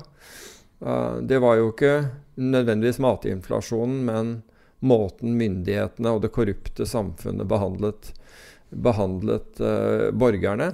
Det Men det korrelerte jo med veldig prisøkning akkurat i den perioden. Ja. Så om det var triggeren eller ikke, men det var noen korrelasjon der. Ja, så du kvalifiserer vel ikke for det nå, men du kan si at det er jo helt andre sikkerhetstiltak. Vi er jo ikke ferdig med dette. Det jo, altså, vi har jo, om to dager så, så blir Biden, inshallah, eh, innsatt. Uh, det hadde vært artig hvis han sier 'inshallah' i talen. Bare skremme livet av det. da, da, har du, da har du det i hvert fall gående. God bless America, inshallah. ja, men, men, men, eh, men, Og jeg tenker jo at nå er jo den der amendmenten til å gå rundt med våpen så Altså ta, ta Michigan. Altså hvor nære er man fra, fra få Altså jeg forstår ikke at man skal få lov å gå med, med med tohåndsvåpen rundt i gatene og skuddsikre vester, at, at, de ikke kan midlertidig si at vet du hva, her, det her nå Men det er jo det de sier nå. Jo, men altså hvor altså, Har du sett bilder fra USA nå? Ja, jeg de har, har stengt er, alle gatenettene rundt alle, ja, alle de her stats... Men, men, hvor langt er man før man får på en måte en, en ordentlig skuddveksling her? Altså det er jo altså jeg, jeg, jeg, sier ikke at det skjer, men du kan si at dersom det skjer, så, så plutselig får du en helt annen situasjon. Da har, du, da har du på en måte en eller annen form for borgerkrig i gang. Um, og nå sier de at de, nei, de er bare fredelige, de vil bare vise at de har retten til å bære disse våpnene. Altså Jeg føler jo at det, det, det er mye som kan gå galt her. på den måten. Jeg vet ikke. Jeg, jeg har litt kan... tro på den der ventilen. At, ja, at det faktisk er Det her viste jo, men, seg å være en sånn voldsom normalisering. Ja. Du fikk endelig kunne hele verden bare si Endelig kan Trump holde kjeft lite grann. Ja. Du bare slippe å høre det der evinnelige kjøret hele tida. Det, det, er jo de som har sagt at det er, at, at det er en store fordelen. Men jeg, jeg, må innrømme at jeg følte at, at liksom presset økte inntil du fortalte meg den tolkningen som faren din hadde, som jeg egentlig made a lot of sense um, umiddelbart. At det kan være, faktisk være det at det der var en sikkerhetsventil som da blåste ut uh, trykk, og at dermed at faren er, er mye lavere. Uh, la oss håpe at det er det. Altså Jeg kjenner men, en del folk på østkysten i USA som er ganske langt på høyresida. Mm. Altså veldig konservativ, veldig pro Trump. Så jeg har bare fulgt med hva de har vært opptatt av. Og det overrasker veldig hvor mye de har roa seg. Ja. At, at retorikken er helt borte. Ok. Politikk, De diskuterer ikke politikk lenger. Men den har hvert fall Begynner å diskutere e-postene til Hillary Clinton og sånne der ting. Mm. Altså sånne folk som altså Normale mennesker i normale jobber og alt, som bare er utrolig opptatt av Fox News. Ja, jeg skjønner. og, og det overrasker meg veldig, for jeg, det er jo interessant å se sånne miljøer når du bare ser vanlige folk bli radikalisert. Mm. For det er det de sier også med at IS og Det var, vel på scenen i går, tror jeg, eller kanskje det var jeg vet ikke. At radikale medlemmer eh, som, som joina IS, var vanlige folk. For de sier at det var så rart når du så på Capital Building, så ser du vanlige folk. Altså lærere og politimenn og brannmenn, og bare helt vanlige mennesker, liksom. Ikke noen altså vanlige samfunnsdeltakere. Plutselig står der med våpen og, og skal henrette politikere. Mm. At det virker så ulogisk. Men det, sa han der, terrorforskeren, da, at, at det var ikke så uventa. Okay. At IS var bygd opp av litt lignende typer. Ja, Tverrsnitt av befolkninga. Altså. ja, mulig. Mulig. Um, men du kan si at det som Det som har forbauset meg, er at, uh, er, er at finansmarkedene ikke har reagert på, på denne økte usikkerheten. Det må, det må jeg si at det er, det er Altså, den økte usikkerheten i en tid hvor, hvor, hvor verdsettelsene er rekordhøye, hvor inntjeningen er lav, hvor gjelden er veldig høy, og hvor Og 2000 milliarder dollar er på veien. Ja, men det er ikke til finansmarkedene, da.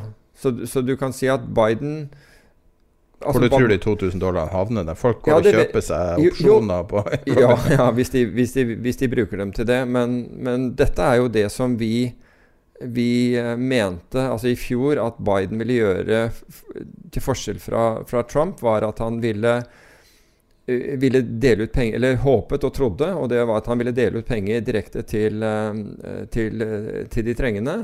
Og sette i gang infrastrukturprosjekter som Trump lovet og aldri gjorde. Så du kan si at det betyr jo at du flytter penger, i hvert fall i utgangspunktet, vekk fra, fra Wall Street, altså vekk fra finansmarkedene. Og Du ser også til en viss grad at finansmarkedene har blitt skuffet over at liksom, det, er, det er jo tross alt 80 milliarder dollar i måneden man, man pumper inn her via Federal Reserve fortsatt, bare så det er sagt. Men jeg, det virket som da, da Biden eh, snakket om sin pakke, så eh, da, da falt jo markedet tilbake igjen umiddelbart. Og de var tydeligvis skuffet over at det ikke skulle være mer kjøping av, enda mer kjøping av verdipapirer. Men er det ikke litt sånn alltid at drømmen er altså tallet du har i hodet ditt, er alltid mer Jo, men det er, eh, det er, Alltid større enn det reelle tallet? jo, det altså. kan godt hende, men er, nå tenker jeg ikke så mye tallet som jeg tenker at hvilken metode han velger. Altså, Altså Han følger ikke den der Altså Vi har jo siden Trickle down economics, liksom. Ja, altså, ja, altså siden 2008 så har det liksom vært pumpet inn med et lite unntak i tid. Uh, pumpet inn, inn penger direkte i finansmarkedene, og det har virket veldig lite på økonomien. Det har vært skuffende lav vekst i økonomien i den, i, i den perioden. Uh, så, så nå får vi se, da. Altså, jeg, har, jeg tror vel ikke at Biden kommer til å gjøre radikale endringer, og, og Federal Reserve i hvert fall Uh, Nå blir vel antageligvis Janet Yellen uh, bekreftet som eh, eh, Hun får, får sin rolle bekreftet. Og, og, og, noe som gjør at, eh, at hun har jo ikke vært tam når det gjelder å sprøyte penger inn i finansmarkedene. Så, men i hvert fall det første skrittet syns jeg var, var, eh, var, var positivt. Nemlig at det, at, det gikk, at det går til Main Street, og ikke til Wall Street. Men ja. Wall Street har fått andre fordeler også, men det kan vi komme tilbake til. Hvis vi går, så langt, eh, hvis vi går inn på det. Og det jeg postet annet, altså Det ser du på trading eh, altså Ved at Trump fjernet regulering som var satt, i, eh, satt inn etter finanskrisen, så har jo tradinggevinstene til bankene, altså investeringsbankene, gått rett i taket. Så nå er de, liksom, nå er de aktive tradere i, i markedet. Og Vi har sett uh, tall fra JP Morgan som jeg tror var opp 37% og Citibank som var opp 57% i trading profits. Så På discorden i går kveld så delte jeg Jeg deler en del charts og analyser på den kanalen som heter Analyser. Og da var det kinesisk eh, vekst, så det, BNP-veksten, eh, er mer eller mindre kommet tilbake etter korona helt. Ja, den, den er vel Ja, er den ikke blitt en, enda 6. sterkere, faktisk? 6,5, er den ikke Ja, det? 6,1 var det. Var det Ok, jeg tror det var 6,5, men jeg kan Ja, Jeg kan være 6,5, men da er det i hvert fall kommet tilbake. Ja, jeg, altså jeg mener jo at den har mer enn det. Så, så kineserne, som var den første til å stenge ned, de har på en måte klart å komme styrket ut av dette her. Og så har du da landene som øh, i mindre grad har vært villige til å ta invaderende tiltak, de sliter mer og mer og mer. Ja, altså Den Eh, relative styrken til Kina Det er vel nesten Det er jo vanskelig selvfølgelig å si akkurat hvor mye sterkere det er blitt, men Ja. når du ser det kaoset som er i mange andre land, og du ser eh, eh, feilslåtte strategier i både England og USA og Sverige, så, og mange andre land selvfølgelig også, så, så ser Kina utrolig sterk ut. Altså. Ja, det gjør det. Men hvis vi ser på, på sektorer av markedet, så ser du jo bl.a. Altså av ledende sektorer så er det bl.a. Oil Service som er opp. Og, altså indeksen altså Du snakker om Borr og alt det der som DN. Altså deres yngling som var, var Trøim i mange år, er jo blitt eh, huggestabben eh, der borte. Helt klart. Eh, men altså innenfor og, og hvis det er riktig det der at DNB holdt på å nærmest å, å ta over, ta over Bård. men ja, jeg men- mistenker at det der er en journalist som får tak i et dokument, så han blir litt for ivrig. Ja, det, det er mulig, jeg, jeg vet ikke. Men, men poenget mitt er at det er jo en av de sektorene som nå gjør det best. Altså Den, den sektoren er opp 14,6 eh, i år. Borr har hatt en veldig høy korrelasjon til, eh, til eh, den sektoren. Og energisektoren er jo også opp. Den er opp 12 prosent hittil i år. Altså, det du sier 14, det er OIH, ikke sant? OIH, ja. Eh, Det er jo priser i dollar, da. Mm, ja, ja. Jeg bare tenker Ja, ja. på hvordan det blir uh... Det er, det er fortsatt godt Det er jo ganske godt volatilt å handle i utenlandske nå, med, altså når du er nordmann, Mm. fordi at krona er relativt volatil nå. Ja, altså jeg vet ikke om krona er volatil eller om det er dollaren. Uh, brent, altså olje er opp 6 og vi, vi snakket jo om dette med, med råvarer. Eh, råvareindeksen, altså den der ETF-en, den er opp over 3% så den er opp vesentlig. Altså dobbelt av hva Oslo Børs er opp. Så du kan si at akkurat når, når ting begynner å Altså det er jo Nå vet jeg Jeg kjenner jo ikke storyen annet enn det jeg har lest i avisen når det gjelder eh, DNB kontra, kontra Borr, men, eh, men du har liksom Du har sittet gjennom eh, den forferdelige nedturen for, for oil servicer og, og, og rigger, og idet det går bra Altså, altså, nå, nå som du på en måte ser muligheten, da skal du begynne å Da velger du liksom å gå etter, eh, etter, etter, etter Trøim i dette her. Ja, den, man kan jo ikke si at det her er en klassisk drittpakke, men den uh, har i hvert fall mange kjennetegn med det man kaller en drittpakke Ja, fra en eller konkurrent. Ja, og en annen ting er at de har jo ikke med et ord nevnt at altså til forskjell eh, fra Norwegian, og det har vi, dette har vi snakket om i podkasten før, så har, så har Borr betalt renter på, på, Ja. på lånene sine. De har liksom ikke gått i, i default sånn som Norwegian gjorde. Så det er ikke som Altså, jeg må jo si at at, eh, at Trøim at han har fått markedet mot seg, det er jo ingen tvil om. Uh, og det, det ser man jo av aksjekursen. Men, men så langt så har han, syns jeg han har gjort maksimalt for å, for å prøve å, å redde den der situasjonen.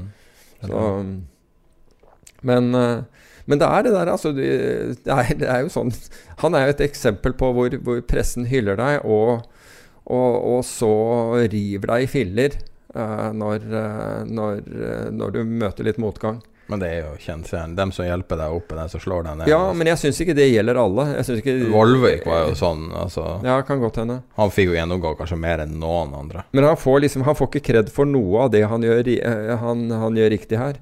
Så, men, men. Det er, det er som det er. Men akkurat denne saken her eh, Jeg syns det er veldig mistenkelig at DN legger fram det sånn som de gjør. Og, altså det, det er i hvert fall ikke helt uproblematisk å publisere Jeg visste ikke at det var uproblematisk å, å, å publisere et internnotat i, i, hos DNB heller. Jeg syns jo det er Ja, altså sånne der Altså, ting Man må alltid være skeptisk til motivasjonen til den som har levert denne informasjonen. Ja, nettopp. En sånn journalist vil jo bare bli helt gira hvis du får man- tilgang på Men kan man bruke sånt? Altså? Kan, har, du, har du anledning til å gå ut og bruke, bruke sånn informasjon?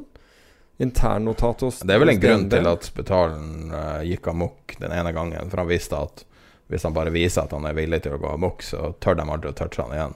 Så ingen som tør å skrive noe negativt hos Spetalen. Okay. nei, men altså, det må jo ha vært han, han var jo en av de få personene som tok eh, journalister og redaktører personlig til retten. Å ja, akkurat. Ok. Og, gikk, og, og, Mm. og, det er jo som Når du stiller det spørsmålet så Nei, jeg vet ikke. Jeg, syns ikke det er helt uproblematisk, i hvert fall. Nei, altså det forbauser meg at du kan, at du, at du kan publisere et eh, Altså Nå har man ikke publisert dokumentet, men man har lest dokumentet og skrevet fra det. Uh, jeg, jeg, men nå vet ikke jeg hva som er, hva som er presseetisk og, og ikke med, med det. Og, men det. Og det kan jo godt hende Men det er Man bruker å si PFU og sånn, men altså, det er jo til syvende og sist retten som avgjør. Ja. Uh, for uh, så om, eh, om det er etisk eller ikke, det er ikke godt å si, men det er definitivt ikke uproblematisk. Nei, det var mer, mer, mer det jeg tenkte på. uh, og om det, var, om det var greit eller ikke. Så Renta holder seg høy på statsobligasjoner amerikanske. Ja, altså Det har vi jo sett. fase vi er inne i. Hva sier du? Er det en ny fase vi er inne i med Det er jo snakk om tapering nå på CNBC igjen. Det er ganske mange år siden vi snakka om tapering. Ja. Øh, altså Vi har jo snakket om det, og nå har vel Altså Renten på, på tiårs amerikansk har jo mer enn doblet seg på, på ikke lenge. Og nå er vel nå har vel 30-åringen som vi har drevet og snakket om en del, den er vel kommet opp i 1,80, 1,83 eller et eller annet sånt i, uh, i rente. Så det har jo skjedd en god del her, da. Det vil jeg jo si. Ja. Um, Nå er vel markedene av markedet er stengt i dag, så det holder seg på det samme på fredagen. Men det holder seg godt over eh, 1 for eh, tiåringen, som du sier 1,38 for 30-åringen. Det begynner å bli eh, Du så, så du den auksjonen USA, USA hadde, Finansdepartementet hadde på papirer? Eh, der du plutselig får veldig mye større volum de auksjonerer. Om det Ja. at de begynner å føle at det er dårlig tid for uh, Pga. renteoppgang. At Ja. når de skal rullere gjelda, så må de gjøre det i større Ja, og, det, og den Altså, man kan jo tolke det, det alle og det blir, Og det blir jo nettopp auksjonen som man må, må, må følge med på for å se om eh, for, for å se interessen i disse auksjonene.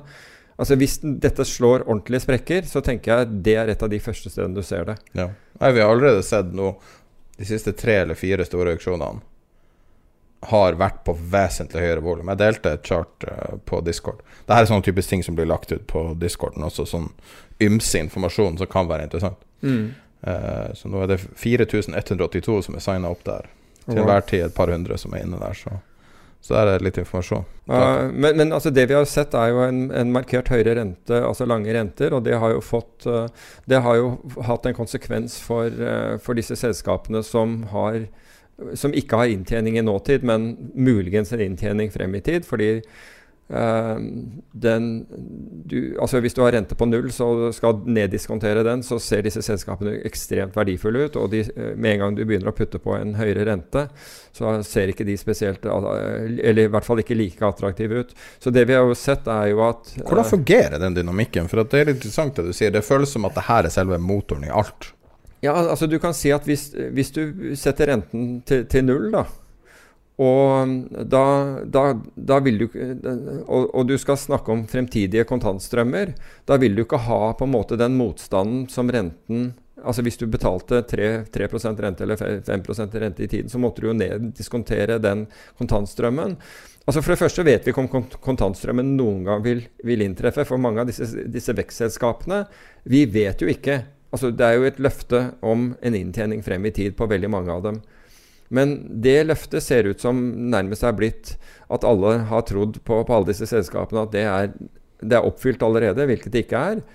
Og så har man brukt null i neddiskonteringsfaktor, så slik at du kunne ta den der inntjeningen og, og, og late som den var i dag, og prise selskapet der, deretter. Altså Du får en mye høyere verdsettelse på selskapet. Men i det øyeblikket den renten, altså lange renten, obligasjonsrenten, begynner å stige, så er det den du bør legge til grunn. Hvilket ikke alle meglerselskapene gjør. og det er, ikke, det er på en måte det er, Som man sier på engelsk, a bit naughty å ikke gjøre det. Og, og bruke dagens rente isteden, på, på, på, på en kontantstrøm som ligger godt frem i tid. Men i hvert fall Men hvordan skal du ellers få kursestimatene til oss til å være perfekt høy- match nei, nei, ja, aksjekurs? Ja, det er jo akkurat det. ikke sant? Og det er tydelig at 100 over aksjekurs. Ja, det er akkurat eh, det som skjer. Men, men i hvert fall så, så ser vi jo da at eh, vekstselskapene har falt i forhold til verdiaksjer, altså selskaper med, med solid inntjening. Um, for første gang på, på, på, på, lang tid. Eller det begynte, det begynte i slutten av, uh, av, uh, av, fjoråret. Så det kan jo godt hende at du får en ordentlig rotasjon. altså Dersom lange renter fortsetter å stige, og det ser du jo bl.a. ved at, um, at yield-kurven blir brattere, og det ser vi veldig godt i USA, um, så, så kan det godt hende at Eh, Husk på, her er det ekstremt mye penger. For dette har jo vart veldig lenge, hvor vekstaksjer har, har vært mye sterkere enn verdiaksjer. Så hvis du, en, hvis du, får en, rotasjon her, så vil du se store endringer i hvilke fond som går bra. altså. Enorme endringer i, i, i fond, hvis du virkelig får en stor rotasjon. For Svært mange av, av såkalte aktivt forvaltede fond har vært tiltet kraftig mot vekstaksjer. Og de har hentet hele inntjeningen sin fra vekstaksjer. Så hvis du får en, en solid rotasjon tilbake til selskaper med, med solide balanser og solid inntjening, så vil, så, så vil, det få en ganske dramatisk effekt mm. mellom, altså i, i, forholdet mellom disse to typer selskaper. Veldig viktig, eh, veldig viktig dynamikk å være klar over. Eh, og Du har snakka om det flere ganger, men eh, ettersom du ser renta klatre og aksjekurser vedvare ja. til å være høy, så skulle man jo tro at det misforholdet bare lager en slags sånn fjær ja. som bygger opp, det bygger opp masse energi der. Jeg tror det er mye energi der, og, og som sagt, idet det blir i det, i det, du aksepterer Nå tror jeg fortsatt folk tenker på at QE vil, altså med 80 milliarder dollar i, uh, i måneden, så er det jo fortsatt, uh, så er det jo fortsatt uh, myndighetene selger i den lange enden av kurven. Ja, du kan holde på som han TikTok-investoren. Ja. Kjøpe det som stiger. Og så slutte å kjøpe når det slutter å stige. Ja, så enkelt er det. Men, men du kan si at hvis, 88. Men det er vanskeligere, det er mye vanskeligere for sentralbanken å holde kontroll over den lange renten. De har full kontroll over den korte. Men det lenger du går ut på kurven, det, mye, det vanskeligere er det å holde kontroll. Mm. Og den kontrollen har så langt vært gjort gjennom kvantitative rettelser. Og hvor de har gått inn og, og, og, og solgt obligasjoner, altså lange obligasjoner, for å presse den renten ned. Og det foregår fortsatt med 80 milliarder dollar i, i, i måneden. Men du ser at den amerikanske 30-åringen da har fra slutten av desember gått opp 20 rentepunkter, litt over 20 rentepunkter fra 1,6 til 1,8. Og tiårsrenten har, har doblet seg siden, eh, siden fjoråret. Så du kan si at det, noe er på gang her. Og mm. det er, det er, det er absolutt verdt å, å, følge med på det og tenke over at her kan du Konsekvensen av dette kan være en, en rotasjon. Uh, er, hvis man skal prøve å overføre det fordi at Ofte når man snakker om statsobligasjoner, så altså, det, det, er veldig uh, Det er veldig søkt på en måte for mange. Altså, det, det, er noe du ikke har forhold til. Mm. Det er et helt separat marked fra ja. det man er vant til. Det er litt vanskelig å forstå hvordan et land kan låne penger til seg sjøl. Jeg tror veldig mange ikke følger så mye med på det markedet, med mindre du trader noe direkte til det. Men på en måte så du vet det Three Gorgeous Dam i, i Kina? Den der gigantiske demninga? Nei, jeg kjenner ikke den. Ja, jeg tror det er verdens største demning, eller, okay. eh, som ble bygd på 90-tallet. Som eh, det siste året har vært mye snakk om at, eh, at det er svakheter i demninga. Og sånne små demninger rundt det har brast. Um, og hvis den demninga brister, så er det noe 400 millioner mennesker er påvirka av det. Oh, wow. uh, og det har vært snakk om at det kan skje det siste året. Um, uh, men eh, på en måte så er jo Treasuries en sånn Tree Gorges Dam i markedet. For hvis det går, ja. hvis noe løsner der Og jeg går tilbake til den dokumentaren jeg nevnte tidligere, Hypernormalization. Mm. Den starter med en helt episk situasjon som var på 70-tallet. Jeg vet ikke om du var aktiv i markedet da, når New York City skulle utstede gjeld. Og det er jo kan, var det den der hvor, hvor de ikke altså ingen, ingen, møtte. Ingen, ingen møtte opp? Altså bankene ja. møtte ikke opp? Og det, det videoklippene der burde ryste folk ja. inn i dypeste kjernen. Når du ser hvordan det ser ut når markedet bare helt slutter å fungere. I dette tilfellet så hadde de jo krav. Og eh, han som lager dokumentaren, da, liksom mener at det er det der konseptet austerity ble til. Der at man overførte makta fra politikere til selskaper, eller til bankene. Til bankene. Eh, og, eh, og, og, det er en interessant hypotese, men uavhengig av det, bare hvordan det ser ut når de møter opp og helt naivt tror at selvfølgelig er det noen som alltid er der og kjøper gjelda vår. Alltid. Uansett så kan vi liksom pushe det mer og mer. Eh, og det trenger ikke å være så eh, konspiratorisk for å se for deg en lignende situasjon for USA. Nei. Selvfølgelig er det Det er jo på en måte ingen over, sånn at du, du kan ikke få de samme maktkampene som New York igjennom da, men det føles som det kan skje. Jeg husker at det var en uh, Lazard-banker som reddet New York på 80-tallet. Uh, Felix Rowetin. Uh, og jeg var, jeg var, heldig, og jeg, jeg traff han uh, gjennom Ralph Ackenpora i Kid Peabody um, en, en, gang jeg var i New York. Det var helt tilfeldig at vi var på, vi var på samme, samme, restaurant, og Ralph kjente, kjente, Felix. Så det var sånn, Han døde i fjor, tror jeg. Um, men Felix Rowitin var jo da den som organiserte Uh, og, og som, som, reddet finansene til uh, Jeg mener han var i Lazard. Jeg er ikke helt 100. Uh, du bommer litt på tidspunktet, men det var det, var det her tidspunktet. 75. Å oh, ja, ja, sorry. men når jeg traff han, var på 80-tallet. det var det jeg mente. Å oh, ja, sånn ja. ja jeg, jeg traff han, men og han, han, snudde da en Visstnok altså Han kom opp med en måte å å, å redde New York på. Um, ellers så var liksom uh, Altså staten bankrott Eller uh, The City, unnskyld. Ja, det var, City, det var, ikke New York City. Nei, sorry. Det var The City som var, ville, ville, gått, uh, ville, ville, gått konkurs. Felix Royton. Uh, jeg kom på det fordi jeg, jeg, tror jeg så at det var en nekrolog om han i fjor. Hvis jeg ikke tar feil. Ja, han var ambassadør til Monaco. Felix Royalton? Ja, eller Frankrike og Monaco. Under Clinton. Døden av 91. Nei, men det, det, er virkelig Det er sånn der øyeblikk som Som storminga av Capitol Building. Mm. Så du bare ikke kan forestille deg det kan skje. Du ser dem bryte de første barrierer, så tenker du ja, ja, men det står jo politi der. Ja. Det her er jo normale ja.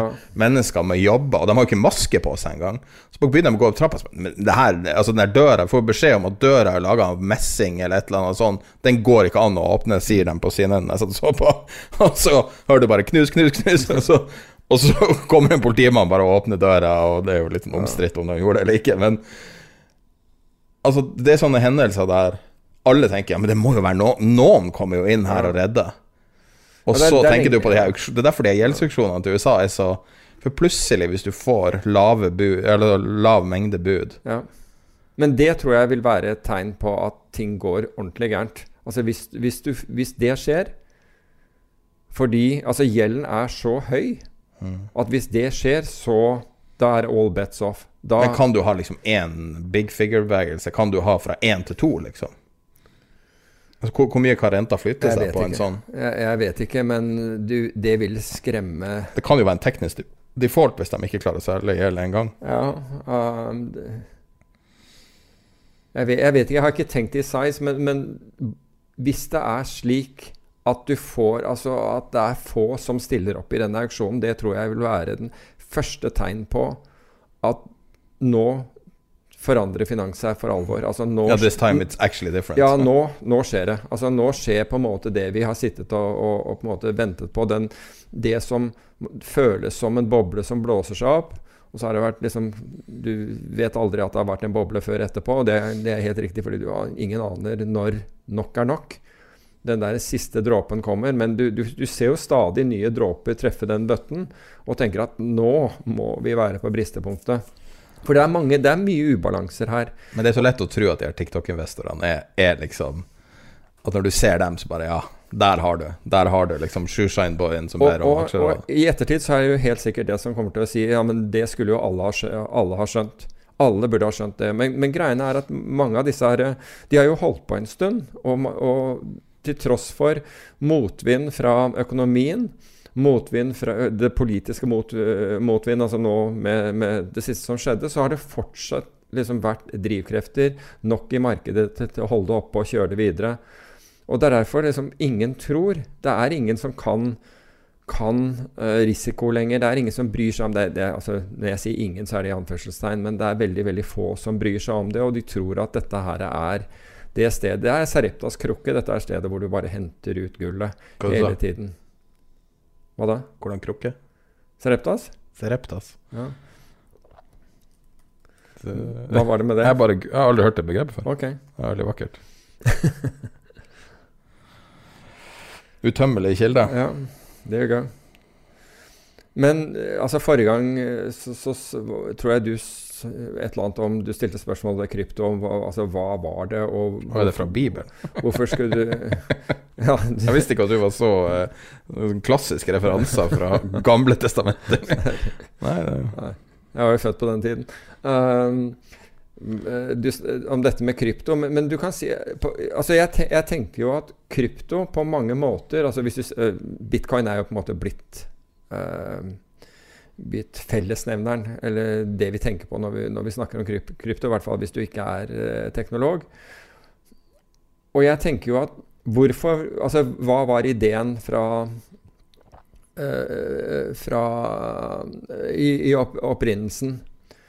tenker du Satoshi-tida? Ja, altså, ikke sant? Og ideen var jo nettopp at å, å, å ta tilbake kontroll over over, over verdier. Og det var jo hensikten, ikke sant? Da, da man trykket, trykket eh, penger for å gi til bankene som, hadde, som, som var skyld i finanskrisen, og som de da igjen brukte til å betale ut bonuser. Det var jo liksom en helt absurd tid. Jeg kan si hva bitcoin var første whitepaperen. Den som kom i 2008. Den du Mm. Ja, ja. refererer til nå, ikke sant? Ja. A purely peer-to-peer vision of electronic cash would allow online payments to be sent directly from one party to another without going through a financial institution. Digital signatures prevent double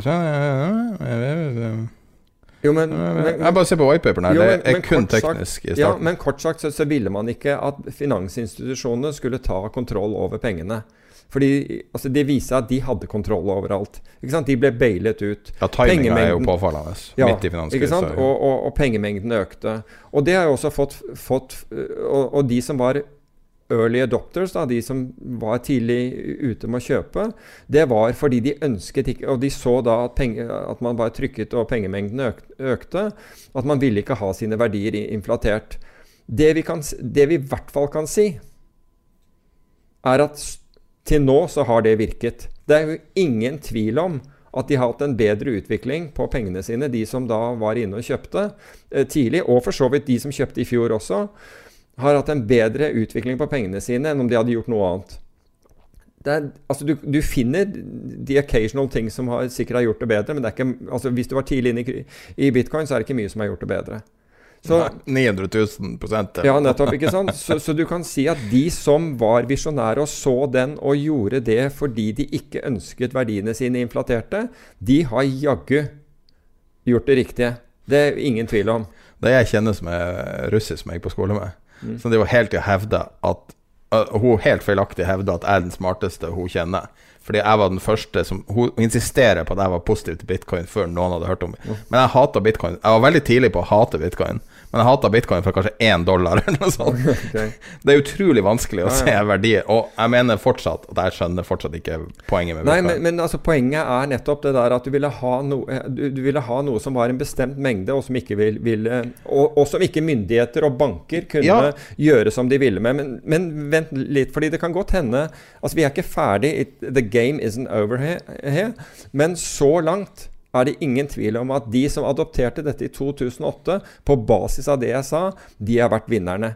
De, Ja, som, de som gjorde det til og med i fjor, har vært vinnerne. Og de som til og med klarte å kjøpe på toppen av dette eventyret i 2017, var det det? De har også vært inne, altså Da den nesten traff 20 000, de har også vært, vært vinnerne. Og så kan du si at vi, vi satt hele tiden og så på at det nærmet seg forrige all time high i fjor, da, da den kom opp mot, mot 20 000.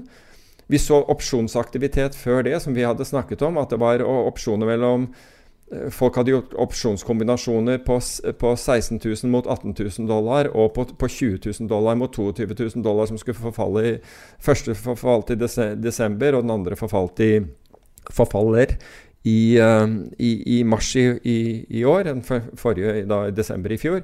Men de har jo gått inn så, så det hyler. Men, men poenget mitt er nå begynner jo myndigheter å bli engstelige. ikke sant? Så gikk Bank of England ut. og eh, Det skulle bare mangle når noe går 100 fra desember til, eh, til, til, januar. Altså fra 20 000 til over 40 000.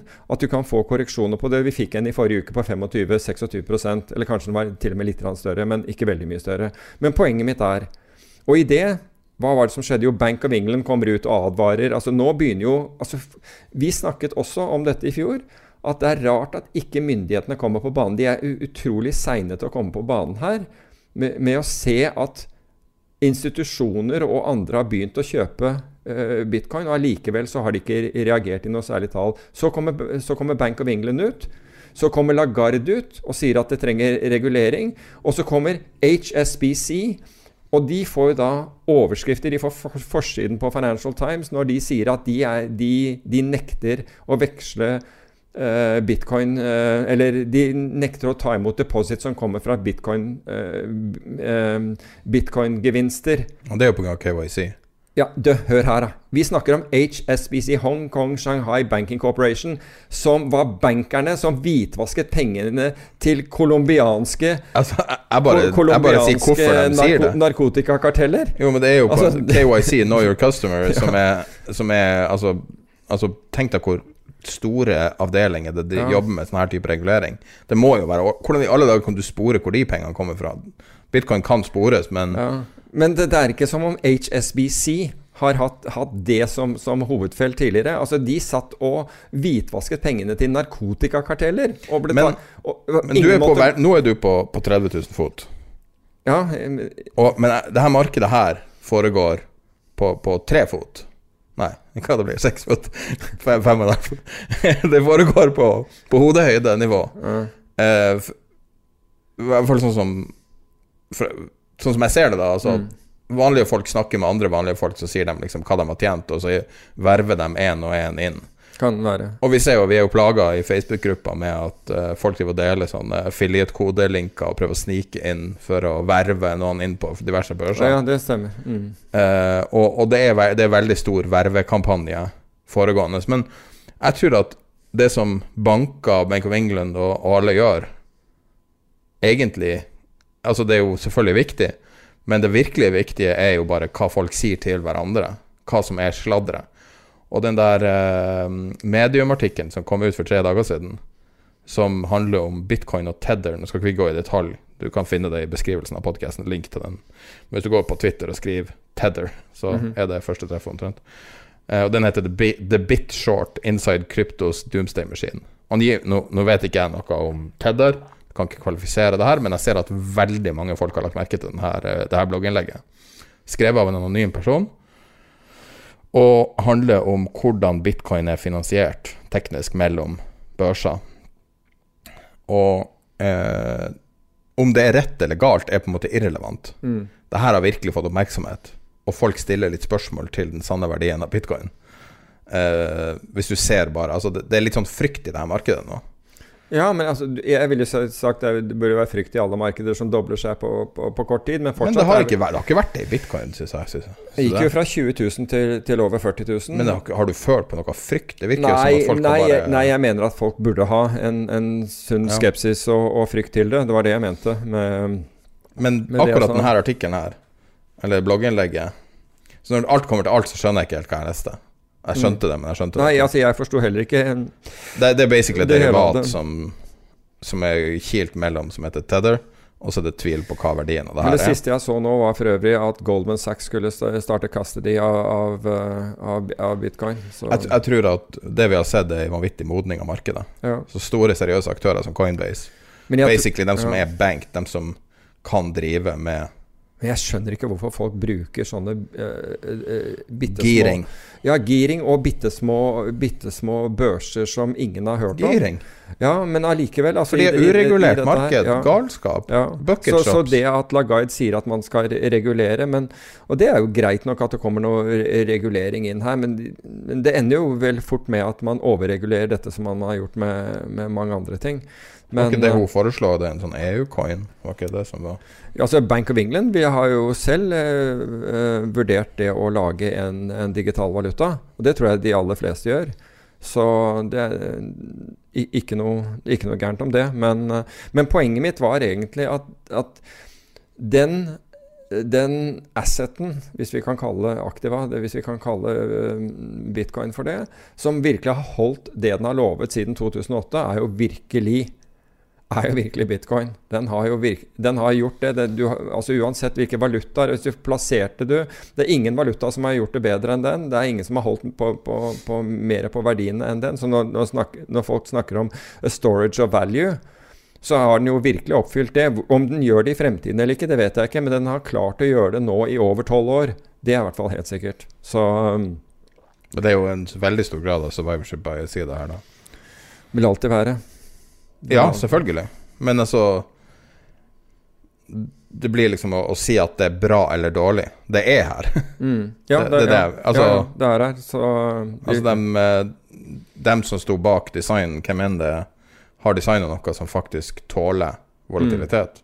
ja. Men siden den her, det blogginnlegget kom, så har uh, bitcoin-kursen vært stort sett flat.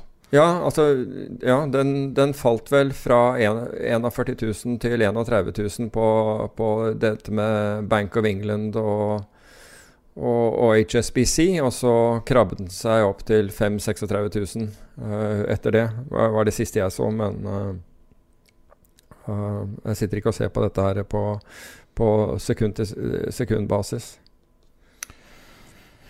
Skal vi se Skagen-konferansen, skal vi ta noe om den? Den trenger ikke å bruke mye. Jo, men altså, jeg har Eh, lyst til å ta noe om Skagen-konferansen, for denne, dette, dette Var det bra gjennomført? Altså dette, ja, jeg syns det var veldig bra gjennomført. Dette er første året hvor den er uh, digital.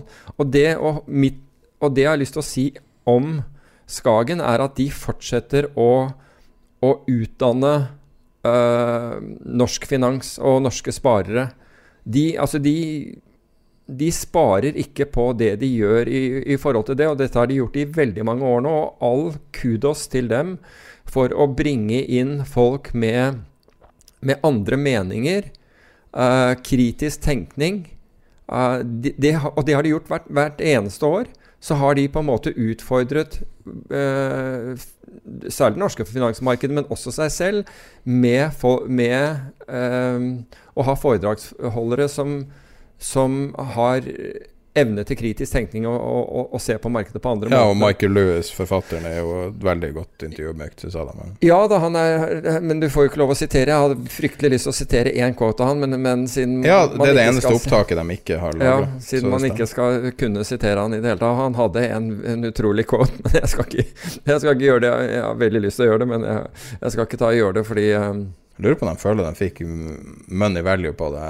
Det koster ganske mye å hente inn en sånn kar. Altså. Ja, det tror jeg også. Og det samme med, med Nasim Taleb. Men på begge så mener jeg det at både Michael Lewis for meg og Nasim Taleb var skuffende i det innlegget, altså den innleggsdelen av, av det de holdt, men den ble gjort bra gjennom Gjennom spørsmål og svar, gjennom, både gjennom de, de, eh, de eh, spørsmålene som allerede var forberedt på, på forhånd, og de spørsmålene de, de, tok inn.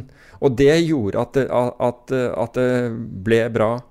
Men Nasim var jo tilbake igjen på, på dette temaet om at om at det, blant annet at det ikke fins noe reguleringsmekanisme lenger i finansmarkedene og i samfunnet. altså Når vi har fjernet markedenes evne, evne til å falle altså Du tillater ikke at det faller fordi eh, du er redd for konsekvensene ved, ved et børsfall.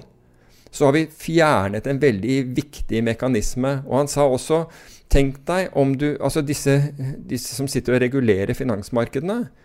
Tenk deg om, altså om de hadde skin in the game. At, altså de, de kan vedta og, og lage regler som skader samfunnet i, i tiår.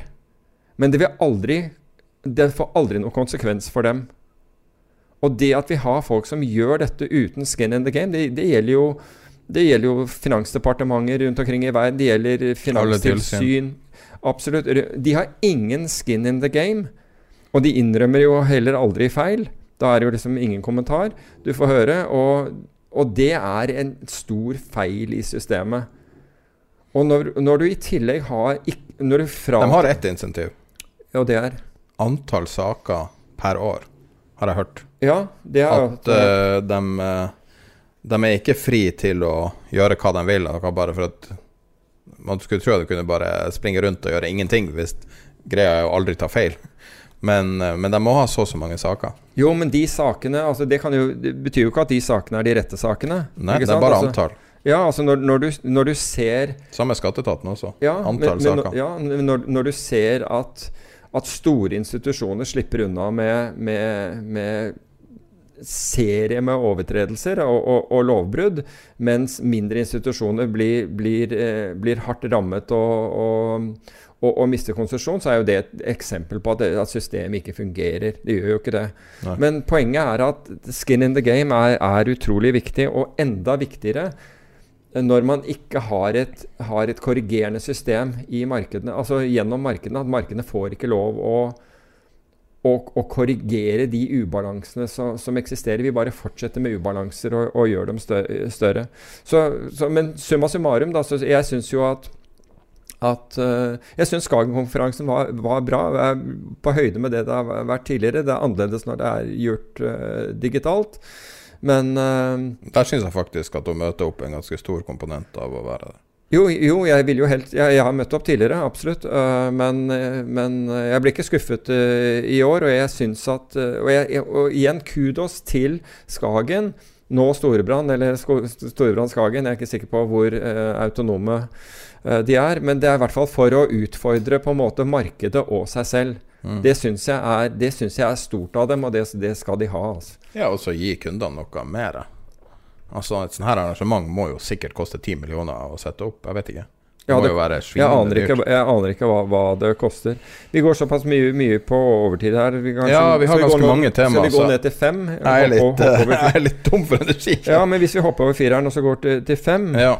Uh, Og det er interessant, fordi at uh, altså, å sitte og følge Vixen ja. og følge opsjonsprisinga der vi er på skyhøye nivåer, og alle, alle sier at alt er så lett ja. Og likevel så er det ikke så lett, fordi at Nei, og jeg har sett på det der Hvorfor, hvorfor prises Altså hvis alt er så bra som, som verdsettelser gir inntrykk av Altså hvis du sier at disse verdsettelsene som vi, vi er riktige, selv om de er rekordhøye i det vi går inn i året Og da snakker jeg om verdsettelse av selskaper, altså aksjekurs i forhold til i forhold til inntjening og Ja, i forhold til inntjeningen og soliditeten i selskapene, da, og, og, du kan ta det i forhold til i, også i forhold til gjeld, for det har noe med sårbarhet å gjøre. Hvor, øh, men allikevel så er opsjonsprisene veldig høye. Og jeg, den, den, faktoren som først og fremst kommer inn, hvorfor skal de være så høye hvis, hvis alt er så bra, det er at det er likviditet eller mangel på likviditet. Det er vesentlig mindre likviditet på hver kurs. Um, slik at hvis du skal ut med store poster, så får du mye større det vi kaller slippage. Altså, du, du, altså hvis du skal først selge, så, så, så, kommer du ikke ut på den der kursen du ser. Du må ganske mange nivåer nedover du, uh, for å komme ut av noe med, med, med, størrelse. Og det er snakk om at, uh, at den er på en hundredel av det den var før covid-krisen. Og det er ekstremt stor forskjell. Og det er ikke noe du ser når du ser kjøper- og selgerkurs. Det er ikke noe du egentlig eh, reagerer på. Du, og Det kan godt hende at den tilsynelatende er stor, og at du ser mange aksjer på hver side, men prøver du å selge på, så forsvinner den likviditeten. Mm. Og det er fordi det er høyfrekvens handel. Og de er det det som forårsaker gullet Ja, garantert. Og de, de, å, de trekker bort likviditet. Men så har du det store paradokset. Altså, hvis du ser på Vixen så er den Altså, Vixen er nesten det doble av hva den var i 2018. Så vi er vesentlig høyere. altså Med, med andre ord de, de, solide selskapene på børsen, representert gjennom SMP 500 altså for, for, å beskytte det, så må du betale, altså er, må du betale det dobbelte av hva du gjorde i, i, i 2018. Mens de dårlige selskapene, high yield-selskapene, handler nå på det laveste det er gjort siden 2018. Så du kan si at det som er solid og bra, det er vi livredde for. Og det som vi tidligere kalte søppel Fordi eh, high yield ble kalt junk før, altså junk bonds, altså søppelobligasjoner. Der er man villig til, til å ta Altså den, den rentepåslag, det rentepåslaget som du får over renten på statsobligasjoner, tilsvarende statsobligasjoner, er nå den tynneste, er nå det minste det har vært siden 2018. Og her er det Det her stemmer ikke. Altså, hvis du, dette, dette kan ikke være riktig. Den ene tar feil av disse to. Um, noe som betyr at hvis du kjøper deg opsjoner på high, altså eh, put-opsjoner på high yield, er antageligvis kraftig underpriset. Og det er i hvert fall kraftig underpriset i forhold til salgsopsjoner på, på, på, på SMP 500-selskaper. Kan man ha en par, par trail på det? Ja, du kan, men du får ikke offset. da. Du får jo ikke en clearingmessig offset, så den, de vil ikke godta en offset. Du må stille mye mer kapital. Du, du, må stille du må, Altså, det du ville gjøre, er at du ville kjøpe i den ene og, og utstede i den andre, ikke sant? så du får margin på den du utsteder, og så betaler du premien på den Hvorfor du Hvorfor netter de ikke det ut? Fordi det, er, fordi det er ingen uh, perfekt korrelasjon mellom Nei, for det er ikke korrelasjon, ja, okay. men, men, og, og, det, og, det, at vi har kommet til de nivåene vi er på i dag altså det, dette, dette, gapet mellom, mellom, det å beskytte uh, solide selskaper kontra det å beskytte uh, søppelselskaper altså hadde, hadde vært en, det, det, det, skulle egentlig ikke ha skjedd. Hadde det vært en korrelasjon der, så skulle det ikke ha skjedd. Men det, her er det noe som ikke stemmer. Kunne man jo laga det til et produkt? Uh, ja. Altså, Som SPV eller noe sånt? Ja, ja, det er mulig å gjøre. Det, er, det vil være mulig å gjøre. Som et lite fond, liksom? Akkurat sånn som uh, ja, du, du, ja. Universet, eller? Ja, da, da vil jeg ha Ja, da ville jeg gjort det som en For da kan du gjøre det i volum, så da kan jo, du få men, det såpass rimelig? Ja, da vil jeg, altså, da, det jeg ville gjort da, var gjort en, uh, en volatilitetsswap mellom dem. Det, det, er det jeg ville gjort. Ja. Vi gjorde det under, under, finanskrisen, eller før finanskrisen. Så gjorde vi en volatilitetsswap hvor vi kjøpte dagsvolatilitet og shortet SMP 500-volatilitet. Ja. I en, i en uh, variant swap. Det tror jeg du kan gjøre på Interactive Brokers. Såpass avansert. Det, ja, det vet Saks jeg ikke. Interactive Brokers. Jeg tror du Nei, det tviler jeg på. Jeg tror du kan gjøre swapper på Interactive Brokers som vanlige kunder. Ja, det vet jeg ikke. Men det er ikke komplisert. Det vet jeg ikke. Altså, bare, for å si det, altså ikke, ikke, begynn på dette her hvis du ikke vet hva du gjør, fordi her er, her er en del matematikk ute og, ut og går. Um, så for den som hørte, hørte nå, det betyr ikke at du stuper inn og kjøper high yield-putter og utsteder SMP-putter hvis du ikke kan mye om opsjoner og forstår hva begrensningen er. Men Er det mulig å få den her i en uh, ti ganger gira ETF? kan få den i en CFD.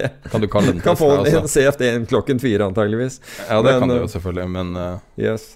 Men, men, du kan si at disse her bør folk sette seg opp i stolen, fordi dette stemmer ikke. Men det har jo vært sånn lenge, og det er jo, det er jo argumentet mot jo, men, Hvis du sier at boligmarkedet er overprisa, ja ja, men du har tatt feil hele tida. Ok, greit, men Ja, men det har, vært, det har ikke vært, sånn så lenge. Nei, nei, det har det ikke. Men, men altså bare nei, sammenligning at, at men, hvis man har vært negativ til boligmarkedet, så kan det være av gode grunner. Ja, ja, ja men det kan jo også vare lenge. Ja, ja. Jo, men du kan si at hvis du strukturerer denne traden riktig, så, så taper du ikke penger på den heller. Nei. For hvis du utsteder f.eks. out of the money put-opsjoner på SMP 500 og bruker det til å kjøpe at the money-putter på, på high yield Altså hvis SMP 500 suser til, til venstre, altså begynner å falle, så skal jeg love deg at, at, at high yield faller òg. Og der fins det ingen likviditet når, når, det begynner å falle. Så, så du kan si at Kan det, det versus å gå gira short uh, statsobligasjoner? Er det i det hele tatt? Nei, du, altså det er annen, ja, det er absolutt mulig å gå gira short statsobligasjoner, men nå må du også huske på at der kan, der kan uh, QE komme inn, da, altså for alvor. ikke sant, å begynne å, altså Hvis sentralbanker begynner å, å selge lange statsobligasjoner, man da trykker renten ned, det kan skje. Og, det, altså, og det, det, er godt mulig at det skjer hvis, hvis ting begynner å gå sydøst igjen. At, at man vil forsøke på det, det, det er helt sikkert. Så det du kan Jeg liker bedre den relative valuen med, med, med, denne traden, men Ja, så har du vekst mot uh, Verdi. Vekst mot verdi. Ja. Det her er jo litt interessant, for det her er jo faktisk ikke så ulikt hvordan et hedgefond fungerer, sånn som du legger frem. Ja, ja der man har en hypotese om at ting går til helvete. Sånn at det her er Jo, men poenget mitt er at hvis det ikke går til helvete, da, så har du ikke lagt ut mye premie. premie. Altså, hvis ting det. bare fortsetter oppover, så, så har, du, har, du, liten risiko. Risikoen din her vil være hvis SMP 500 tryner. Altså amerikanske aksjer, de største selskapene i USA, de 500 største selskapene i USA, tryner uten at selskapet med dårlig balanse og høy gjeld faller også. Altså, altså hvis de, de, solide selskapene faller uten at de, de, de, dårlige selskapene faller, det er det som er risken din her. Så det er en, it's a relative play. Går, går, uh, går begge oppover, så er det ikke noe problem. Men det her er en veldig artig form for finans, og det er veldig artig å prøve å ekspresse en trade korrekt. Ja da, ja, absolutt. Og når du Ofte kan det jo være van altså En klassisk en, en norsk investor er hvordan kan jeg shorte boligmarkedet? Ja. Altså, det er vanskelig å, å få helt den ekspressa ja. ordentlig. Ja, det det fins ingen gode instrumenter for å gjøre det. Det er teoretisk mulig å gjøre det, men du får ikke ordentlig én-til-én-eksponering. Nei, og så vil det i hvert fall være vanskelig å gjøre noe som er, ikke koster deg veldig mye penger. Da, for å si ja. på den måten. Så I gamle dager var det å kjøpe Yahoo for å få eh, Alibaba-eksponeringa. Mm -hmm. ja, men det er bare artig. Det, det, er jo noe vi egentlig nesten aldri har snakka om, hvordan du ekspresser best mulig en Nei, også, det, det, er bare at disse to tingene henger ikke sammen. Det henger ikke sammen. Altså utviklingen i de to uh, i, i, de to markedene. Der, hvor lenge kan det være uh, ubalansert? Jeg vet ikke. altså Jeg så jo på dette her når det gjaldt Nasdaq kontra SMP i, i, i 2000, og det var egentlig bare 2000? Til, ja, for da, da shortet jeg jo Nasdaq gjennom å ja, sånn, jeg, jeg, jeg, trodde det hadde vært i ubalanse siden da. Putt, nei, putte, det kan godt hende. Putte, putte, på Nasdaq og finansierte med at Money putter i SMP 500. Men, men da hadde jeg da må jeg innrømme at da hadde jeg flaks, for da, da skjedde det nesten umiddelbart. Mm. Men min idé var jo bare igjen Altså hvis uh, teknologiaksjer fortsatte oppover, så var det når de opsjonene forfalt, så ville jeg gjenta det på høyere nivå, høyere nivå, høyere nivå. Fordi jeg hadde ikke netto premieutlegg. Så det var liksom tanken bak å gjøre det den gangen. Finnes det en VIX på Nasdaq? Ja. Hva den heter den? Det er vel NVIX. Den må jo være veldig høy. Ja, den er høyere enn eh, en vanlig VIX-en. Men det gjør det. Da men hvis vi går til uh, Vi kan jo gå til neste tema, fordi uh, det er nesten på to timer. Uh, ja, for, og neste tema er de beste hedgefondene i 2020. Er, vi kan egentlig ende opp med det, med, med det, temaet, for der er det en del ting. Altså, det, det som er interessant der, er jo at, no, er jo at de Altså blant de aller beste fondene i, i, i fjor var Pershing Square, Bill Ackman og Saba Capital, som er Boas Weinstein. Og de begge shortet da uh, high yield under, uh, under, uh, under, covid. Og disse, disse, to er opp over 70% i, i, fjor. så kom vi til Endurant, som er, som er oljetrader. Og hans fond var opp 125. Det er riktignok det girede versjonen av fondet hans. Uh, men uh, han en uh, Han har jo av og til noen ordentlig dårlige år også, men han er en veldig kjent mann innenfor, innenfor energitrading.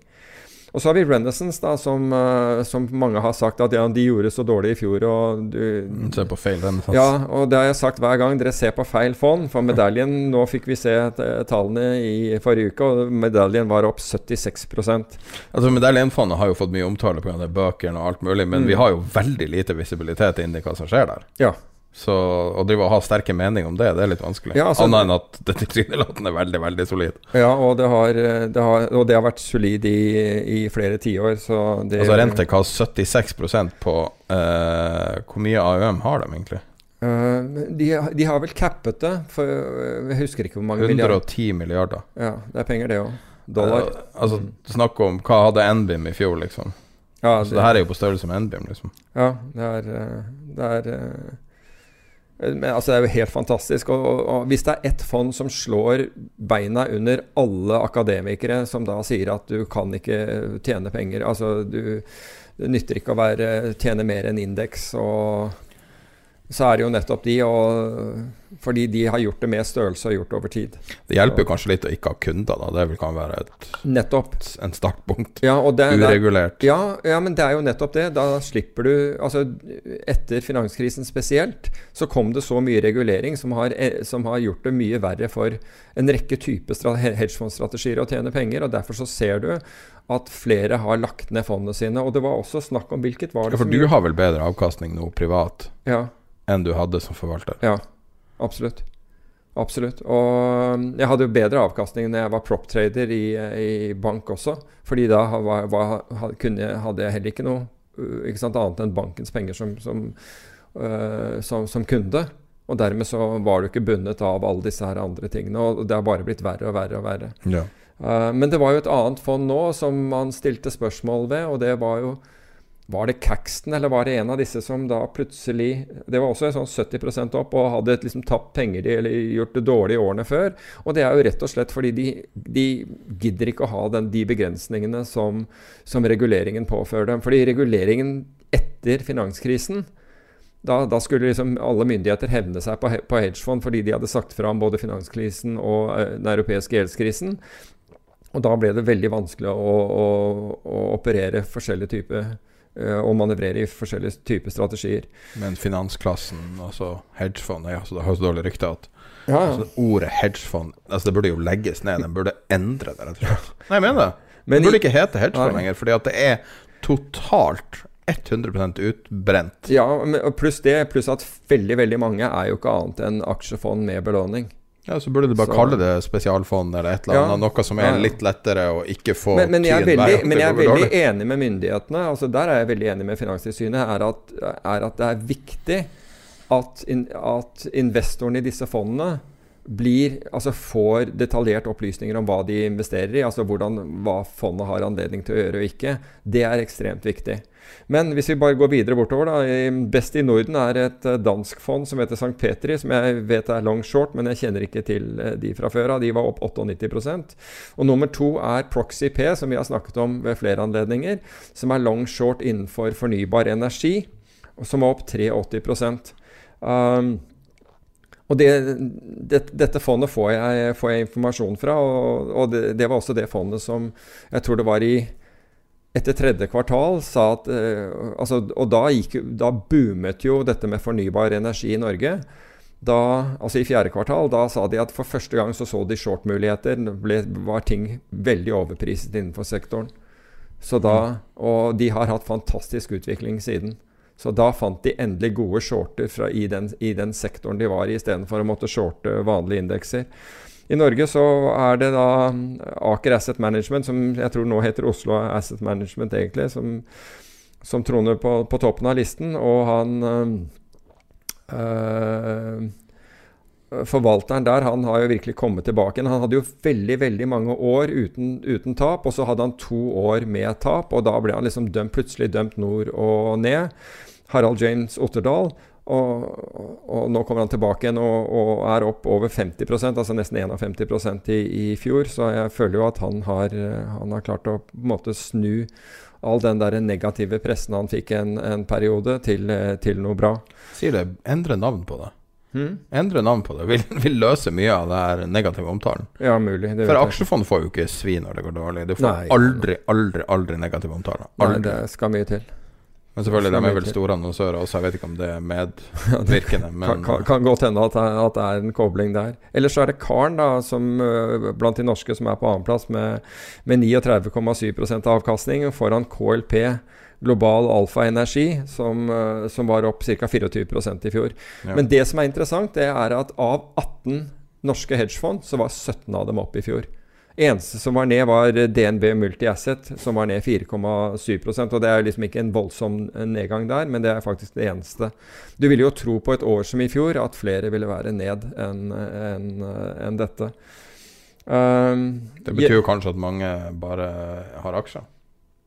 Uh, ja, det kan være. Det er, det er vanskelig ja, Jeg vet ikke helt hva de gjør. Men, men, innenfor altså Tilbake til krypto, så var krypto hedgefond som drev med krypto, var opp da 193% Og hedgefond innenfor blockchain var opp 189% Dette er indeksbasis.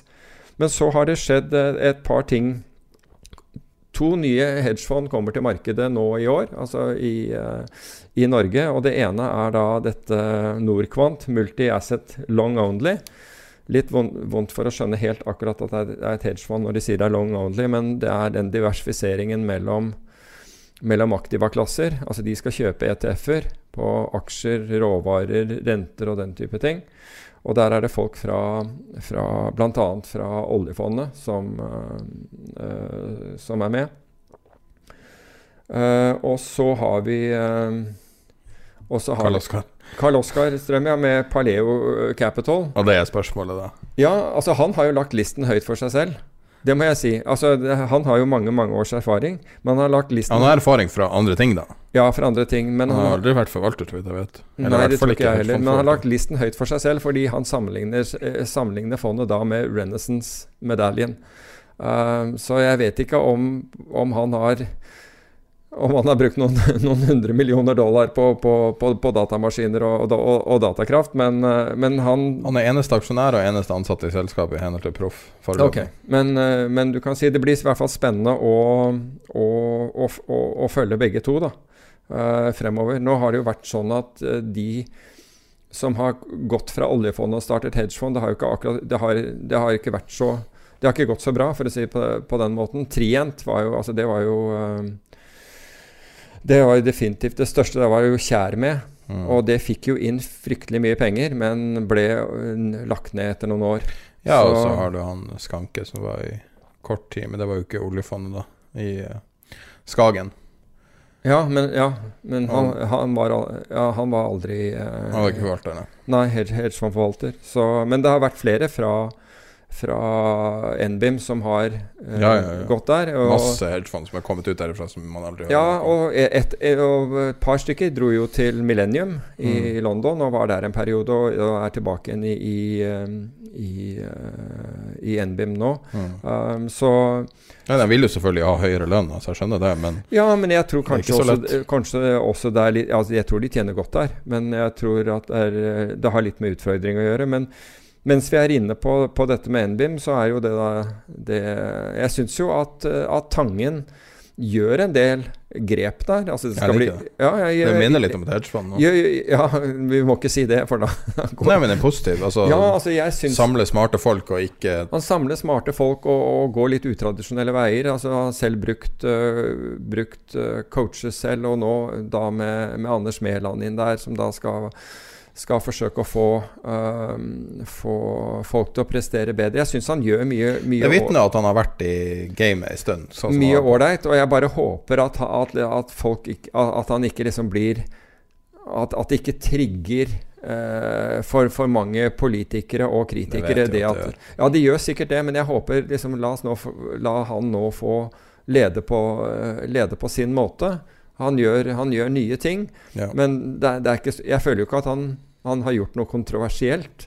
Altså, eh, I hvert fall ikke noe som er negativt. Jeg syns de, de, tiltakene han har gjort, både uh, gjennom rekrutteringsvideoer som er lagt ut på LinkedIn og andre ting, er positivt. Uh, er, utelukkende positivt. Så det blir spennende å se hva, hva, de får ut av det. Det er jo helt åpenbart at Norge har fått en, en ordentlig finansplayer inn som har mye erfaring og mye suksess bak seg. Ja, jeg, det må jo være positivt. Ja, men jeg syns, det, jeg syns jo på en måte det er kult at han, at han tør å, for han har på en måte blitt synlig. Uh, på, på, kort tid nå, og du kunne jo Ja, han er ikke noe redd, i hvert fall. Nei, men man kunne tenke seg at etter å ha vært gjennom den enorme stormen han var, at han var litt skuddredd og tenkte at nå må jeg liksom roe det ned uh, et, et, års tid før, før jeg kan gjøre, gjøre noe og bare lære meg dette her før å få, å få pulsen til eh, kritikerne litt lavere. Ja. Men det virker som han har en plan, og det skal bli interessant å følge det. Nå har vi bikka to timer her. Og det føler jeg er mer enn nok. Jeg er tom for energi, så jeg tror vi runder der. Og hvis jeg snufsa litt inn i episoden, så beklager jeg. Jeg har litt uh, tett i nesen og sånn. Så. Eh, vi er tilbake om to uker. Du kan gå inn på tiderpenger.no. Det er ei side under oppbygging fortsatt. Eh, en av de tingene som skulle være tema i dag, var bokanbefalinger. Så i løpet av kvelden så er alle dem inne på den sida der vi har bok- og filmanbefalinger og alt du kan bruke for å lære deg ting. Da. Men vi kan også snakke om det, eh, disse bøkene litt neste gang. Ja.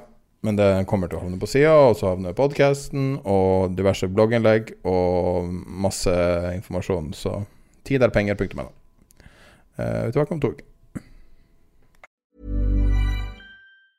Hi, I'm Daniel, founder of Pretty Litter. Did you know cats tend to hide symptoms of sickness and pain? I learned this the hard way after losing my cat, Gingy. So I created Pretty Litter, a health monitoring litter that helps detect early signs of illness by changing colors, saving you money and potentially your cat's life. Pretty Litter is veterinarian developed, and it's the easiest way to keep tabs on your fur baby's health right at home. Go to prettylitter.com and use code ACAST for 20% off your first order and a free cat toy. Terms and conditions apply. See site for details.